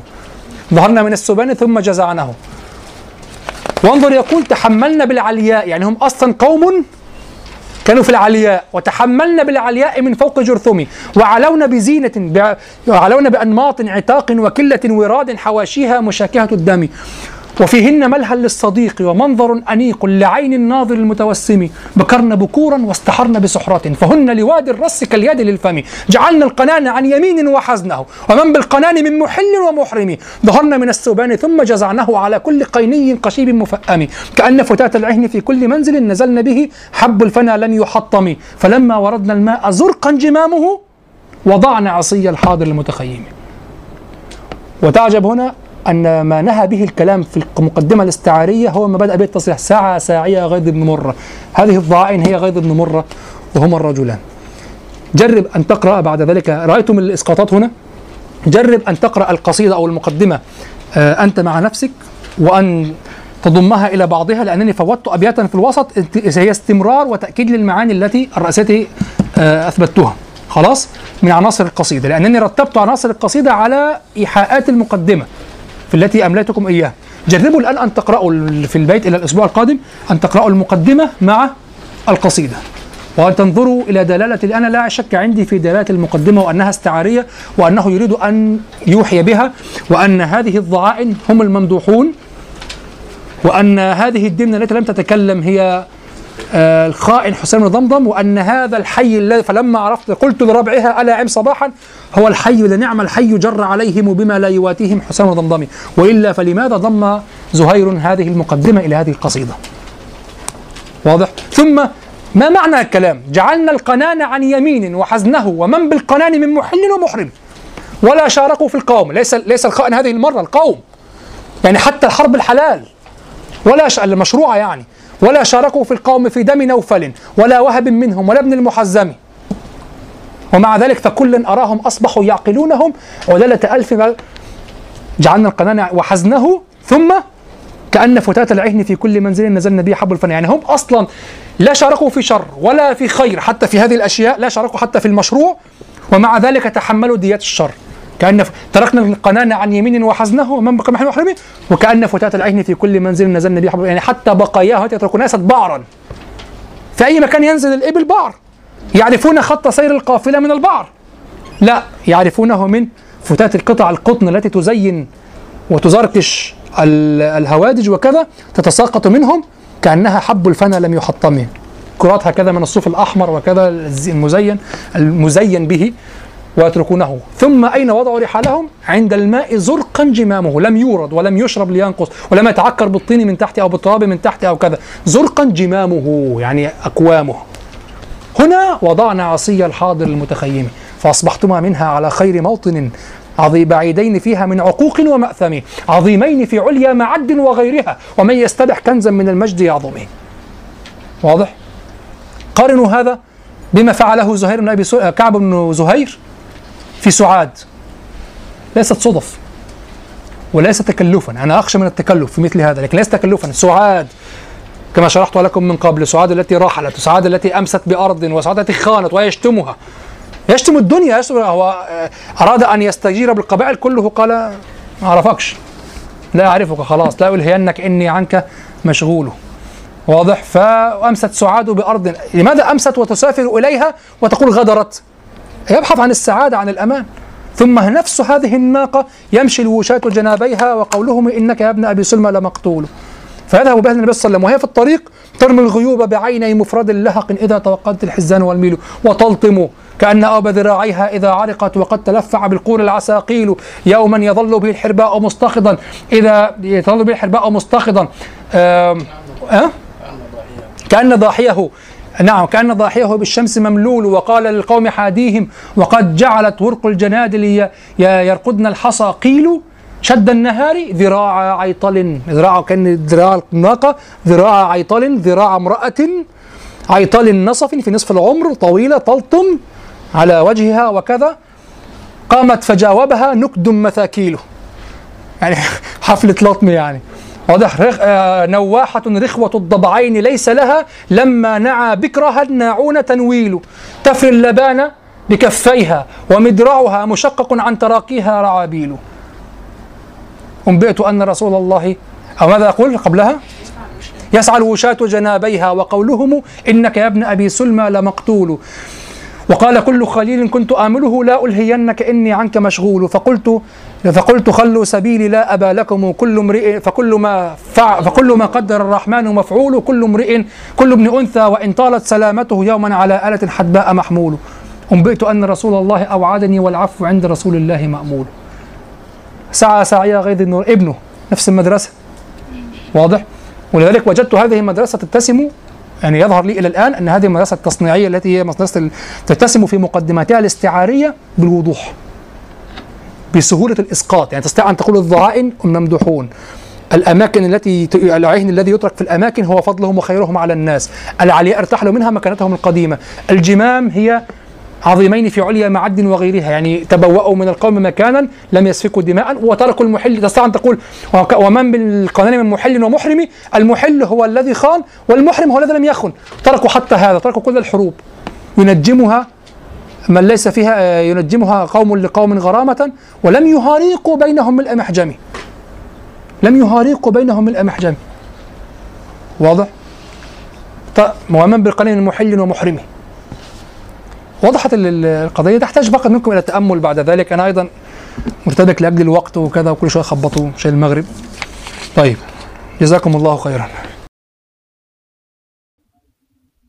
هو الذي بعث في الأميين رسولا منهم يتلو عليهم آياته ويزكيهم ويعلمهم الكتاب والحكمة وإن كانوا من قبل لفي ضلال مبين.